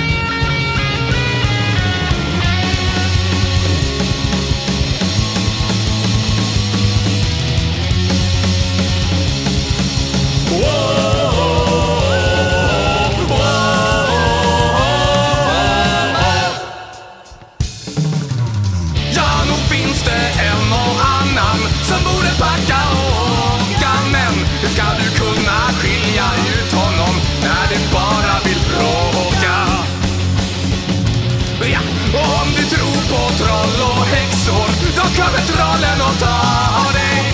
Men om du genomskådar sägnerna då kan rasisterna ta av sig. Sen har vi också en fundering från gästerna och det är ju det här med vatten täta skott mellan käng och trall på 90-talet. Vi var inne på det lite innan. Eh, svartvita 7-tumsomslag med lemlästade kroppar eller en färgglad CD med ett glatt gäng i ett bollhav. Då tänker vi såklart på DLK där, tänker jag då. Ja. Eh, var det så man upplevde det? Antingen eller. Va- eh, eh, Var det så att syntare och hårdrockare, det är ju den klassiska på 80-talet. Då fick man välja. Är du syntare? Är du hårdrockare? Var det så på 90-talet? Är du trallpunkare? Är du kängpunkare? Kängpunkarna tyckte nog att man skulle välja. Jag tror det var viktigare för kängpunkarna än för trallpunkarna. Eller vad säger du Jonas? Eh, ja, men, ja men precis, och det kan kännas lite som att kängpunken var väl mer kanske att folk ville omfamna det som en livsstil, som en identitet. Eh, trallpunk kunde du lyssna på och kanske inte bli titulerad som punkare eller inte ha något intresse av att bli kallad för punkare. Fast jag Eh. upplevde det lite som att på 90-talet där så var det trallpunkare var ju, det var ju väldigt mycket, åtminstone där jag bodde så var det så här, det var mycket Palestinasjalar och, och hela den grejen på trallpunksestetiken. Just det, och, och där har jag ju, Johan var inne på det, just det här med att sjunga på svenska. Alltså det, jag, jag kan se ett proggarv i trallpunken på något sätt. Alltså politiskt och som du sa, Palestinasjalen. Eh, det är kanske inte liksom eh, ja, råpunkare från eh, Helsingborg och Göteborg på 80-talet, den stilen vi snackar. Eh, utan det är i alla fall någonting annat. Eh, Det finns ju ingen nihilism i trallpunken. Trallpunken är politisk eller möjligen mer beskrivande, men den är absolut inte nihilistisk. Och även väldigt ironisk. Eh, jag lyssnade igenom, eh, det var inte Lesa med foto, men det- men det- var en live för hunddagiset 91 och insåg att ja, barnen lyssnar mycket på punk hemma eftersom jag lyssnar på det. Men det är så ironiskt och jag menar, tolkar du samtliga texter bokstavligt eh, på den liveinspelningen, det blir svårt. Det blir riktigt katastrofalt hemskt. Eh, och det är svårt för barn kanske att förstå ironi och sarkasm. Det är svårt för vissa vuxna. Eh, så att det gäller ju att förstå vad det handlar om. Ja, i det värsta fall så fattar du det precis tvärtom. Att dricka sprit och hålla käften är en bra sak och vi, vi ska ju gå dit kuken pekar och så vidare. Men det, det, det som är kul med det, och då kommer vi in på uh, favoriten uh, Eddie Meduza för typ 51 gången i den här podden. Men det är samma sak. Eddie Meduza menar ju inte att, uh, att, att uh, fruntimmer ska man ha knula med och hål i madrassen och sådär. Han menar ju inte det. Han är ju ironisk. Men det landar dåligt hos publiken som tar det bokstavligt. Det är ju liksom en ganska bra jämförelse faktiskt. Oh ja, det oh ja. är- Och sen Eddie Meduza är ju värd, värd respekt tycker jag. Han, han, Gud, beskri, han beskriver ju mer än hyllar, för det gör han absolut inte. Han, liksom, sin fruktansvärda uppväxt och liksom hans bakgrund på den svenska landsbygden vad gäller landsbygdens dåliga sidor. Nu låter det som att vi dissar landsbygden. Det, det tror jag inte vi innerst inne gör. Vi dissar Nej. vissa företeelser på landsbygden. Och, och, och jag skulle säga att 90 procent av Eddie Meduzas lyssnare har missuppfattat honom. Ja, Men att vi tillhör de lyckliga 10 procenten som har förstått honom. ja. För Eddie Meduza är ju fantastisk om Gud, man, ja. om man tar honom på rätt sätt.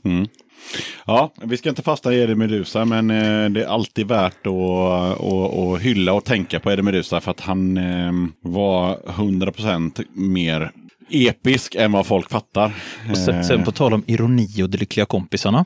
Så De lyckliga kompisarna var ju så ironiska att de var tvungna att driva med Dia Mm. På DLKs sista skiva finns ju låten Del 3. Dia Salma har ju på sin andra och väldigt bortglömda skiva Del 1 och Del 2. Och, och då sjunger ju Mart där och sen sätter jag på Dia Salma och det är så deppigt och Ulke kan beskriva hur hemskt det är. Bara för att jävlas med Diaz Alma så gör han den här låten. Någon slags, så här, ungefär som amerikanska rappare gör när de håller på att dissa varandra i olika texter. Ja. Men eh, vi kommer till en annan eh, kul grej här nu. Och det är den sista Wikipedia-grejen. Som är ganska lång men ändå intressant. Så låt den sjunka in.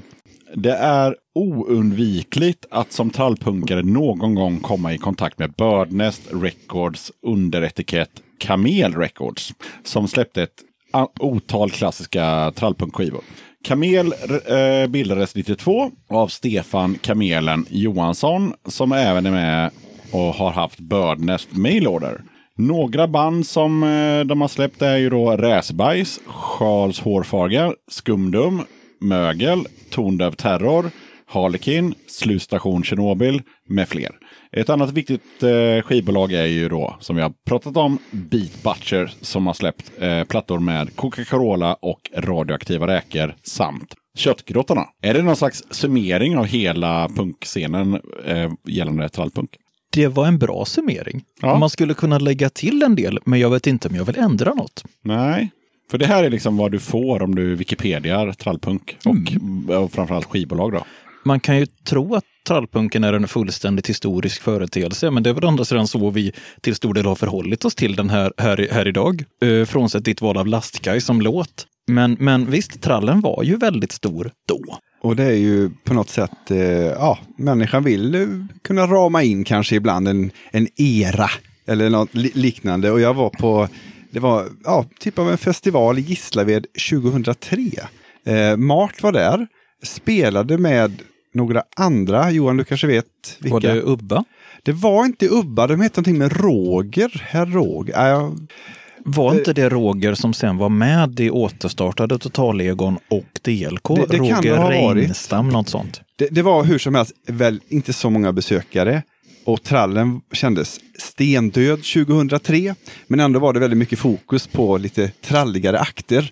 Eh, och eh, så att, eh, ja, det skulle jag inte inkludera utan i någon form av eh, trall-era. Eh, så det har väl en, en peak någon gång 94 där.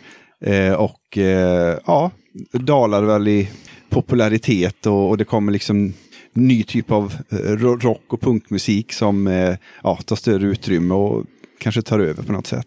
Ja, och blir, blir kommersiellt mycket större än trallen någonsin var. Millencolin och, och Hellacopters som ju på varsina håll kan ses som lite arvtagare till inte trallen musikaliskt, men till att vara den gitarrbaserade punkinfluerade musiken som gäller. Blev Jo, ju men det är lite det som ni hade skickat med här också. Det är, tog eh, skatepunken eh, över trallen på något sätt. Det är väl det. Ja, det gjorde den ju. Det får man ju, det får man ju säga. Och actionrocken då. Ja. Som, Alltså actionrock är ju ett fantastiskt begrepp. Jag tycker det säger så mycket. men jag gillar det. Ehm, och det är också tidsbestämt på något sätt. Det är ingen som idag bara så här, tja, har du någon grym actionrockplatta liggandes? Nej, utan det är också lagt till eh, ja, tidigt 2000-tal. Ehm, ja, sent, sent 90-tal. Jag gillar ju att kolla, om man ska kolla just när trallen var, var inne, så kan man kolla på vilka Hultsfredsfestivalen bokade. Jag gillar ju Hultsfred jättemycket. Det var min eh, första riktiga favoritfestival. Jag har varit där många år. Men den var ju samtidigt rätt trendkänslig. Mm. 93 så bokade man både Diaz Alma och Coca-Cola. 94 bokade man De Lyckliga Kompisarna och Karta 77, som visserligen sumpade nästan hela sin spelning för gitarristen kom för sent. Och 95 bokade man Diaz Alma och Hans och Greta. Men sen slutar trallbokningarna komma. Men sen var jag ju på Strebers 2003. Typ. Ja, för där har de kommit tillbaks. Ja. Där har de kommit tillbaks. Då bokar man, man bokar Strebers 03 var det väl då? Ja, jag tror det. Asta Kask 04, jag var på bägge. Och så Diaz Alma 06. Men då blir det nostalgi av det. Ja. Då är det inte frågan om att skildra en scen som finns idag längre.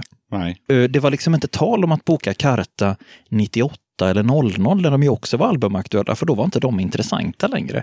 Då bokade man istället ett ungt band som lät som, något, något ungt band som lät som Hellacopters. Men om vi tar oss in på modern tid, eh, förutom då Lastkaj som jag har nämnt, har vi någon annan liksom, återfödelse av trallpunk? När jag var inne och läste på Wikipedia för några år sedan så nämndes Varnagel. Det var någon bild på dem när de hade något gig live. Eh, och det var egentligen ett exempel på trallband. Så det var, blev inte något av de här stora kända från den klassiska tiden. Utan det var Varnagel. Eh, och det, det finns väl en handfull band kanske kommer inte på alla namnen nu bara, som ja, även efter trallvågen har ebbat ut, som ändå eh, körde på eh, i den, något band från Ljungby tror jag. Är det senap du tänker på Det är då? inte senap, eh, det är, ehm, jag kommer inte ihåg nu. Men, men Medan, liksom, medan du funderar på det så tänker jag eh, ta upp frågan mimikry. Jag tycker mimikry är väldigt mycket trall, Ja, men i 2000-talstappning. ja. Det, är- det är ju ett band som, som delar folk. Många älskar dem, andra avskyr dem. Mimikry är lite som så här, typ lilla syster. Alltså det är verkligen så här, antingen lyssnar du på det här eller så gör du inte det. Alltså det är ju, du kan inte så här, ah, jag tycker väl en och annan låt är bra. Nej, utan det är verkligen så här. Fast det är precis så jag känner inför mimikry. Jag tycker en och annan låt är bra, men i övrigt är det väl inte så himla jättespännande.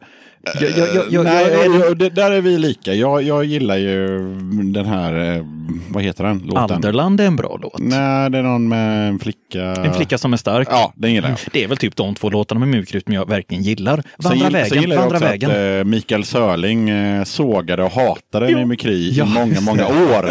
Och sen så helt plötsligt så vände han och bara, nej men det här är ju skitbra. Och att bandet inte gav upp. Att de fortsatte att skicka sina grejer till honom. Att de skrev in honom i sitt Mimikry-spel. eh, Och liksom, de, de gav inte upp. Sörling blev en grej för dem. Sen, jätte- sen så var det ju också så att när de var med på rymmen där, Jallo och Heavy, så sabbade de nog lite för bandet tror jag. Alltså med. vad det gäller cred. Att, eh, och sen så, nu är det ju ingen som kommer ihåg på rymmen längre, så nu är ju, ja. Det är också lite jobbigt att ingen kommer ihåg på rymmen, för jag tyckte det var skitbra. just det. Men då tittade fortfarande de flesta på samma tv-program. Ja, tänker jag. så var det ju. det är den eran på Det något är, sätt. det är eh, som eh, när man stängde skolorna och kollade på Björn Borg och så vidare. Ja, och Men det- Mi- Mimikry var ju ett av huvudbanden på Close-Up-båten eh, förra året till exempel.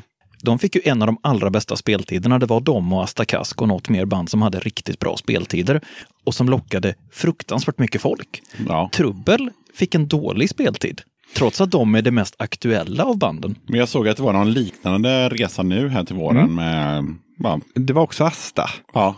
Och kanske något mer som var med förra var året. Troublemakers. Troublema- ja, Eh, ja. Troublemaker skulle ju varit med förra året men fick ställa in. Det var ju där, Trubbel kom ju in. Nej, nej, det var inte Trubbel, det var Johan Johansson som fick spela istället för dem. Det var nog svintask jag tänkte på. Ja. Eh, så här, kassetter som kom eh, långt efter Eh, huvudsakliga trallvågen. Eh, men jag menar, det är inte så att jag söker upp trallpunkband eh, idag. Eh, det känns också som att, eh, ja, vi nämner Close-Up-båten som ja, kan ha varit väldigt inriktad på att få ihop liksom någon form av eh, trallpunkbåt i huvudsak. Eh, och vi var ju på Beat Butchers eh, 25 år 2009. Och det var också en sån där grej, de har samlat ihop en massa Beat Butchers band eh, för att ha den typen av spelning. Eh, men det känns, min känsla idag det är att ja, band som kanske spelar trall kan vara mer integrerade i, i andra sammanhang, alltså i andra punksammanhang. Eh, inte lika renodlat att det måste vara Coca-Cola-karta och, och så något lokalt trallpunkband, utan det kan blandas mer. Jag tror Eh. också att medelåldern på close-up-båten förra året var ganska hög. Jag kände mig inte, jag kände mig varken ung eller gammal, utan ganska representativ. Och man träffade gott om gamla vänner och bekanta i samma ålder som har ungefär samma 90-talsminnen och favoritband från den tiden. Jag kan också säga då att Close-Up-båten är ju eh, Close-Up-båten nummer 22.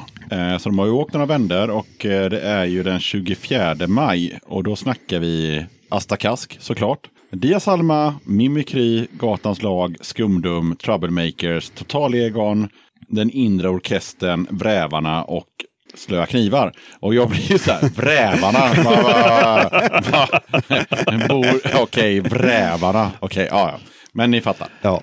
Och, och då, den inre orkestern vet jag inte vilka de är. Slöa knivar är väl ett någorlunda nytt band. Annars är det ju bara gamla grejer. Fast Slöa knivar har funnits i typ 5, 6, 7, 8 år. Men de är fortfarande från denna sidan millennieskiftet. Ja, och de är inte trallpunk för Nej, absolut inte. De, Absolut inte. punk. de har också varit med i den här podden innan, det är bara att spåra tillbaka och kolla.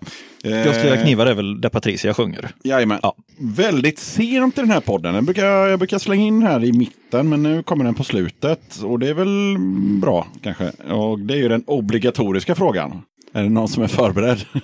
Ja, jag laddar här. Okej. eh, vad betyder punk för dig? Att få komma till punkspelning i gummistövlar om det regnar. Och kunna göra det och bli accepterad. Någonstans, eh, ja, nej men liksom få vara sig själv, slappna av. Oftast så, jag menar, ja, hitta sitt eget punkuttryck. Det är väl punk på något sätt. Men det är inte lätt. Jag menar, jag ser ju själv hur jag har hittat mallar att utgå ifrån och liksom kan ju finna kvaliteter i det. Eh, men just, eh, ja, det, jag kan komma liksom i nitpaj, gummistövlar och cykelhjälm. Och med åren har jag förstått att liksom, ja, fan Jonas, det, du är punk på det viset att du vågar ju göra det här. Det de flesta liksom struntar i cykelhjälm och kommer kanske i Converse eller några trasiga kängor för att det hör till stilen. Eh, så att, eh, ja men punk för mig. Eh, kunna slappna av. Jag känner liksom mina barn är väldigt punkiga, influeras väldigt mycket av dem. Så vill vara lite som ett barn fast ta lite ansvar också. Ungefär så. Ja, det är som jag brukar säga, jag, jag rättar ju ingen, utan det är ju vad betyder punk för dig? Någon slags do it yourself-attityd. Eh, någon slags ifrågasättande av idoler och auktoriteter. När, när vi hade punkband när vi var 15-16 så var det inte snack om att spela covers. Vi ska göra egna låtar. Idag hade jag tyckt det varit skitkul att spela covers. Och sen om man ska vara rent krass musikaliskt, alltså gitarrbaserat. Men, men do it yourself, sitt inte och gnäll. Gör det själv istället. På tema trallpunk, vad tycker ni själva? Finns det någon eh, trallpunk-scen 2018? Det finns ju enstaka band. Vi har nämnt flera av dem här, Last Sky 14, Mimikry. Men jag skulle inte säga att det finns någon trallscen på samma sätt som för 25 år sedan. Fast det tror jag är ganska sunt. Det är väl punk om någonting. Gör någonting nytt istället. Jag tycker ju Bäddat för trubbel och Trubbel är två asbra aktuella band nu. Och de har inte ja, ja, jättemycket ja. trall i sig. Nej, det är inget trall alls. Men jag tror att eh, om man bara kollar på, som du var inne på där med hur ofta ska Asta återförenas och sådär. eh, jag tror att det kommer komma en, eh, en trallvåg snart. För att det finns så mycket band i botten så att folk som är yngre kan liksom bara helt plötsligt bara shit, det här är det shit. Och sen så bara, du vet, dra klubbar och boka band och köra hela grejen. Det, det, det är en cykel liksom. Det är väl en av de viktigaste sakerna med trallen tycker jag också att trall, alltså de som gillar trallpunk är i allmänhet ganska unga. Det tror jag Ja. också hänger ihop med varför folk ser ner på trallpunken. För det som 13, 14, 15-åringarna gillar kan väl inte vara bra, tycker den som är 20 plus. Den föraktar det väldigt lätt och det tror jag någonstans är svaret också på varför trallpunken blivit så utskälld genom åren. Och eh, samtidigt märker man ju när man DJar på Truckstop Alaska att det är helt klockrent att slå på trallpunk sista timmen. Alla älskar trallpunk sista timmen, även på trucken. Ja, ja. Eh, och jag har ju varit på så här eh, Play Fast Ordont, liksom där det är bara så här stenhård eh, krust hela dagen. Eh, och sen på kvällen så kör DJn eh, Aqua och då tycker alla att det är jättebra. så, det är ju inga konstigheter. Men någonstans, det är väl det trallen handlar om. Eh, till viss del faktiskt, underhållningsmusik. Ja, och jag tycker det är intressant att du tar liksom DJ-ande som ett exempel. För ja, när jag har DJat, det har varit i huvudsak råa, mangliga grejer. Eh, när folk kommer till båset och frågar vad jag spelar, då är det oftast något helt annat. Något mer melodiöst, lite postpunkigt. Där det, liksom, det, det sticker ut. för Inte det att de tycker det andra är ointressant, men liksom, det är ungefär samma mangel för de flesta. Och så slår man på någonting annat. Lilla björn och lilla tiger vet jag att Johan spelade på på något gig. Eh, gick hem med dans och, och allsång och som ingen annan av de Jo, andra. alltså, jag, jag, kan, jag kan bara avbryta dig. Jag var på Truckstop en gång för några år sedan och då var det eh, ett par timmar där. Eh, och då var, det var stenhård eh, käng. Och sen så kom eh, Jag är Flintis med eh, Eddie Meduza. Och då, då lyfte hela dansgolvet. Otroligt bra låt. Ja, men någon som vet liksom, här ska jag placera den. Japp. Här, här ska den ligga liksom i min setlist. Japp. Eh, så att, eh, ja, då kommer den, ja, det blir helt rätt. Ja. Det- Det är så Det- roligt med, med Jag är flintis och trallpunk. När vi var på Beat Butchers 25-årskalas 2009 så spelade bland annat Radioaktiva Räkor, som ju var ett av de unga banden där 93-94. Sångaren har samma krans som jag själv kan ha när jag slarvar med rakningen av håret. Han hade blivit tunnhårig. Ja. Det, det, det unga Radioaktiva Räkor var 15 år efter 1994 tunnhåriga. Det är jättevackert. Mm.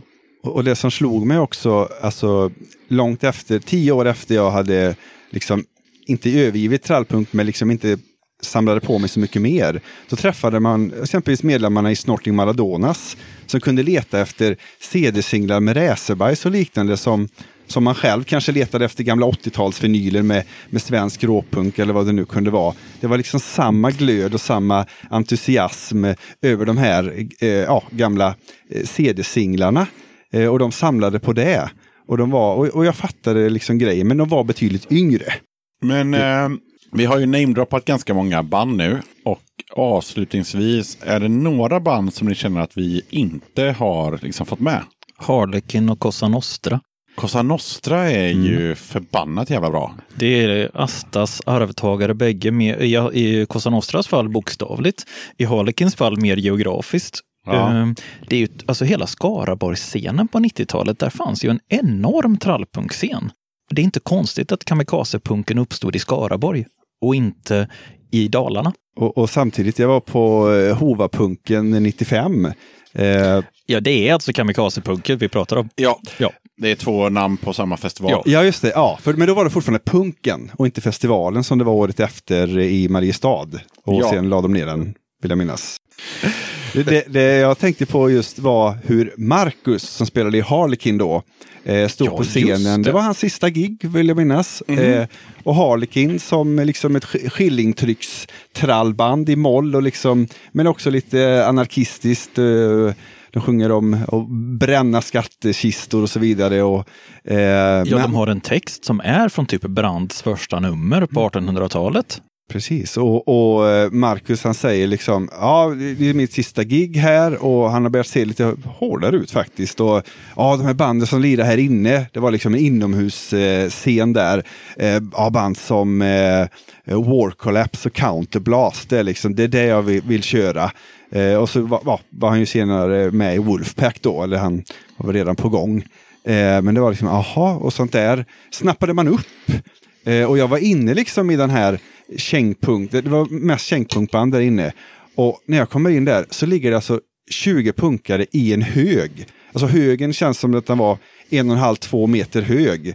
Det var liksom en grej och jag tänkte, jaha, vad är detta för någonting? För det var min första liksom, stora punkfestival. Men också lite så här kittlande intressant. Liksom. Har de däckat eller liksom, är det någon sorts hög bara? Och bandet lirade. Var det bandet som ja, hejade på det här? Eller, ja. men, men hur som helst så fick man liksom, ja men det finns Harlekin, men nu vill han byta band och spela hårt. Så det växer fram just det här. V- vad är det egentligen? En intressant sak om man ser tillbaks på trallscenen är ju hur enkönad den var. Just det. Det, det finns band med kvinnliga medlemmar som ibland även sjunger. Men det finns inga trallband vad jag kan komma på med bara tjejer. Nej. För, Är, för, är det en bekräftad sanning nu som vi sitter Eh, och säger här? För att vi, det här pratade jag och Johan? Johan om eh, innan du dök upp nämligen. Eh, och eh, innan bandet började rulla så bara eh, gick vi igenom alla trallpunkband och bara nej, vi kunde inte komma på något. Alltså det som kommer i eran av trallpunk är ju Candysack. Och då men sjunger det, de det på var vi inne på, engelska. men det är ju inte trallpunk. Nej, för det känner jag väl mer är liksom någon form av Riot Girl. Eh, Sonic Youth. eh, Ja, men precis. Det är en annan tradition. Eh, och, men däremot, eh, och detta är ju kanske tio år sedan, jag, jag skrev en recension på smutstvätts eh, eh, i regnbågens, i alla regnbågens färger eh, till fanzine Korsakov. Och ja, jag vet inte hur det kom sig, men jag var på någon spelning eh, och ja, då kom det fram en tjej till mig så här bara Ja, det är du som har skrivit liksom recensionen på, ja, på vårat eh, album? Liksom. Ja, ja, ja. ja, för vi hade så skitdålig spelning nyligen eh, och bara liksom lägg, ville lägga ner bandet och allting. Och sen var det någon som sa att vi hade fått en jäkligt bra recension i Korsakov. Eh, och då liksom alla var helt lyriska och liksom eh, ja, blev pepp igen. Och liksom, de var inte vana riktigt vid att bli hyllade så. Eh, och, men det är också liksom på tal lite om de kanske få kvinnor som man har stött på som har spelat trallpunk. Och detta är ändå långt senare då. Och, och ska, man, ska man prata nutida, de kanske inte är trallpunk som man skulle sagt på 90-talet, men Körsbärsfetterna är väl värda att nämna. Väldigt bra band. Men, men ska man prata 90-talsband, så det närmsta man kommer, inte strikt enkönat, men Finkelrockers hade kvinnlig sångare på typ alla låtar. Väldigt underskattat band, kul vi fick med dem. Och DLK hade Susie Persson som gjorde en del låtar, men jag minns hur noggranna folk var med att säga Sussies låtar är mycket sämre än March. Det håller inte jag med om, vare sig nu eller då. Men eh, har vi någon teori om varför eh, just trallpunken var exkluderad vad det gäller helt kvinnliga band? För det har, jag aldrig tänkt Nej. på det här innan. Jag tänker liksom som trallpunken som en spegling av samhället på många sätt också. Eh, och spegling av eh, rockmusik och vilka som eh, tillåts eh, ja, ta plats och, och, och delta. Eh, och att just när jag, vi, vi sa Candy Sack och där är väl, jag vet inte om det är bara kvinnor med i bandet. Från början var det det, sen kom det med en kille som spelade gitarr. Om jag minns rätt, kan ha varit trummor. Jag brukar också tänka så här, det, det är faktiskt helt jävla oväsentligt om eh, de som är med i ett band eh, är killar eller tjejer. Och det är helt ointressant om de är halva bandet är killar och halva bandet är tjejer. Eller det finns en kille i ett tjejband och så vidare. Men det som är intressant är, var, var det verkligen så att det fanns inga tjej trallpunkband? Det är det som är själva frågan i sig. Och jag tror, jag kan inte komma på något. Nej, samma här. Och, och jag tror också... Och sen kan det vara så här, det kan också vara så här, det var kanske inte någon som, alltså det kanske inte var några tjejer som inte kände att, det, det kanske inte fanns några tjejer som kände att det här är intressant. För om man kollar på renodlade band med bara tjejer, så till exempel så finns det ju massa eh, band som, ja, som Candy Sack som vi nämnde, men även an, andra band då som kör, ja men typ så här Ramones-stuket, Motörhead-stuket, jada jada. Eh, kan det vara så att själva musikstilen i sig är oattraktiv för tjejer? Så tänker jag lite. Nu Sen- med facit i hand, det är hundra år sedan. Men, ja, eh, och sen var det inte också att, om vi tänker mitten av 90-talet, det drällde inte av kvinnliga förebilder i musiken. Patti Smith var helt inaktiv i tio år där. Eh, Det fanns ingen människa som pratade om Patti Smith 1994, som det ju finns åtskilliga nu senare, vilket är helt fantastiskt. Hon har fått en välförtjänt revival. Men 94 var Patti Smith jävligt ointressant. Och eh, Tant Strul låg tio år tillbaks i tiden. Det fanns en brist på förebilder. Däremot så stod de här männen på scenen och spelade och det var klart att det inspirerade yngre män att spela också. Jag tror bristen på förebilder är väldigt viktig att nämna där. Det fanns ju fler kvinnligt kodade band i den första punkvågen i så fall. Eller i efterdyningen av den, Live and Sacrifice, Pink Champagne, Mögel. Ja, och sen idag då, om man kollar på liksom hårda kängpunkband och sådär, så finns det också en massa tjej, eh, alltså bander, band med bara tjejer. Men där någonstans på mitten av 90-talet så, nej. Ja, det var ju aldrig en människa som reflekterade över nej det då. alltså, det här är första gången jag har tänkt tanken. Ja. Och, och jag tänker också så här att man, man ska ge det en liten chans. Eh, jag menar, vi hade lite koll på obskyra släpp i Boråstrakten. Eh, för att det var lokalt, eh, det gick att få tag på, vi, vi bodde där. Eh, och jag tror eh, att eh, det har väl inte skrivits någon direkt bok om trallpunken. Och då kanske, om man skriver om trallpunk, då kanske man börjar med de här stora banden. Eh, och liksom där kan man ju kanske avgöra, ja, det inga, det är Susie Persson i DLK på, på sin höjd. Liksom. Men att det kan finnas, ett, har funnits massa band där ute som hade kvinnliga medlemmar, som kanske bara hade en replokalsinspelning, kanske släppte en sjua, jag menar, det finns många lokala scener i Sverige på mitten av 90-talet. Ja, det sant. måste man komma ihåg att, att spridningen på den tiden var ju inte lika stor som idag med internet och sådär. Så det kanske fanns ett asgrymt band i Mullsjö med bara tjejer som eh, rockade liksom eh, DLK-stuket. Liksom. Det har vi ingen aning om. Så Och, och att, eh, jag menar, jag tar gärna som forskare på mig den här uppgiften och kolla på det här. Du, ska, du ska hitta Sveriges första trallpunkband med enbart tjejer. Det är en beundransvärd uppgift. Alltså, är, det, är det så den ser ut? Ja, Okej, ja. Ja, det är exakt så det, den ser det ut. Är, det är liksom syftet och frågeställningen. Ja, Ja. yes, jag gör och det. eh, Eh, när, eh, när vi har ett svar på den frågan så eh, kommer det komma upp i podden. För då kommer vi få ett mail från Yes, grymt. Eh, nej men då har inte jag så mycket mer om ni inte har något själva som ni sitter och funderar på och trycker på. Jag skulle ju vilja nämna Luskerman från Borås, ett fantastiskt underskattat band som aldrig ens hann släppa en sjua. De släppte en underbar demokassett som heter Maktmissbruk och var med på mycket andra eh, kassettsamlingar och Levande Flodd-sedeln. De hade en fullängdare på gång, men de fick aldrig ur sig den. De förtjänar att nämnas också. Valium hade väl, gjorde väl cover på Nordmans Vandraren.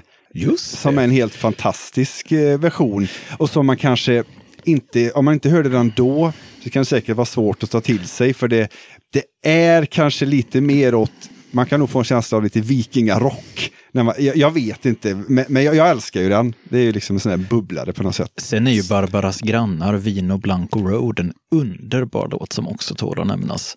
Den tycker jag ni ska leta reda på Spotify. Röja-skivan, varianten, det är den bästa. Och, och ge mig en, vad sa du, sa du ge mig en skål? Det är också Barbaras grannar, men Ja, det var inte den låten jag sa. Det driver de i alla fall med Ultima Thule. De har en Och hel... det är bra. Men eh, och sen, eh, eh, det här nämndes i avsnitt två, men det är ganska länge sedan.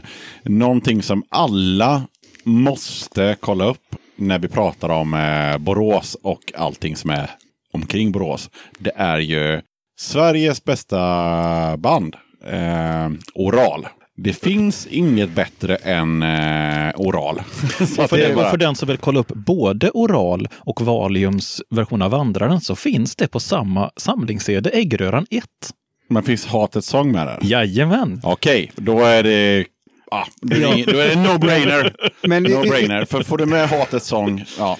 Oral eh, håller jag också som världens bästa band. Ja. Och det som Johan nämner är ju då från CD-inspelningen 94. Eh, de kassetterna som kom eh, 86, 87, 89 är helt unika eh, och ja, har i alla fall funnits att eh, hämta på, jag tror det är Maskens hemsida där, eh, Bloggas fack. Eh, och eh, ja, nej men jag, jag känner också det att hade inte du nämnt det nu, jag tänkte också avsluta med oral, för jag har liksom kört eh, de där eh, ja, inspelningarna man fick tag på eh, om och om igen. Eh, och det finns väldigt mycket att upptäcka. Och den här dystra, ångestfyllda Per Lagerkvist-lyriken och sättet som de arrangerar sina låtar på. Men alltså att man musiksätter en, en, en dikt av en anarkist från, eh, jag vet inte, ja, för länge sedan. Alltså det är, det är otroligt bra. Det är ju roligt hur vi hela tiden glider över på den hårdare punken. Gång på gång på Ja, gång. men det är ju så. Det är ju så. Det är, vi, vi skulle ju hålla oss i trallpunken, men... Eh, Och jag vill också säga en sak om just oral då, för vi har nämnt taskigt drag. Eh, nu är det så här med internet att man ofta får man gå in på Wayback Machine för att hitta lite gamla grejer då. Men Taskigt drag la upp en intervju som Jimmy hade gjort med någon i Oral 95. Eh, och där nämns då, eh, ja, vad tycker du om trallpunken? Eh, ja, jag kommer inte ihåg om det är Alf eller vem det är som blir intervjuad, men han sågar den rätt så rejält och det han understryker är att den är ju för fan närmast kristen. Och liksom, den var, just den är positiv, den är liksom medmänsklig. Den är inte nihilistisk. den är, nej, för oral, alltså det finns väl en liten nihilism i deras eh, approach eh, till musik och, och estetik och sådär.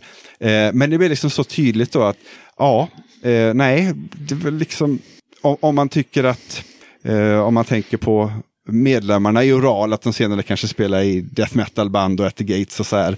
Eh, så ja, det kan ju verka lite kristet att vara så det är positiv. Eh, men jag själv vill liksom också framhäva att jag, jag försöker vara en positiv eh, person.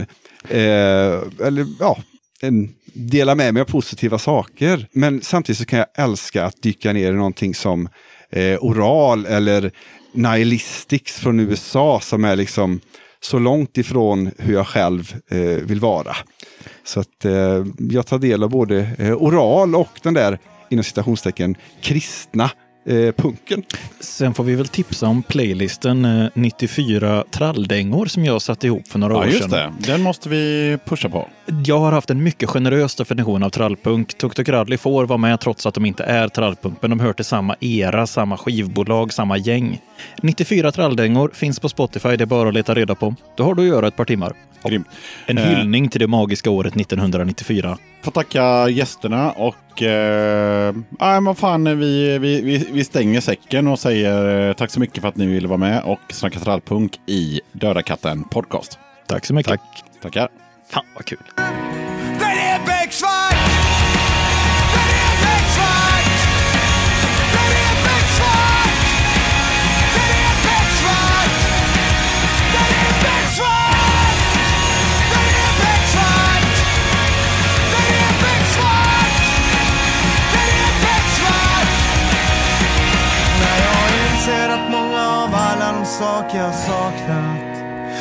Kunnat vara så mycket bättre om jag hade vaknat. När det slår mig att många av de brister och fel som jag tillskrivit dig egentligen var konsekvenser av misstag och handlingar begångna av mig. När jag gick vilse på min färd. Då är det svårt att hålla huvudet över ytan. Jag försöker simma men orken jag skriker men lungorna fylls av vatten. Och jag sjunker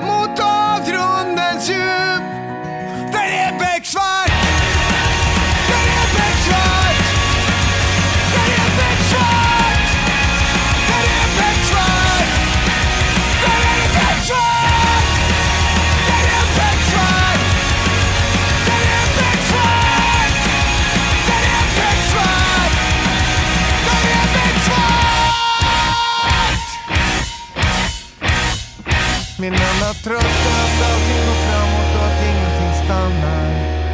Jag hoppas att sveket, skiten och lögnerna när allting landar blir en tråkig parentes. Inte det enda som återges. Jag hoppas att vi kan le och när vi blundar även se att det mesta nästan alltid var bra. För det tycker i alla fall jag. Låtarna vi hörde i avsnittet var i turordning. Asbest som ett löv. De lyckliga kompisarna. Troll och häxor. Lastkaj 14. Becksvart.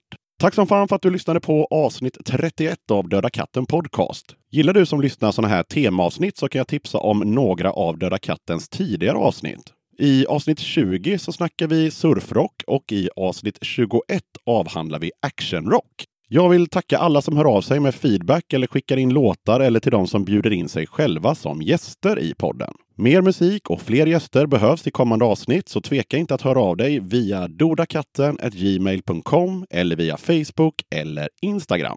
Och som sagt var, mejla gärna in tips om kommande spelningar, skivsläpp eller precis vad som helst. Man kan också mejla om man vill vara med som gäst eller gäster i podden. Gör gärna det.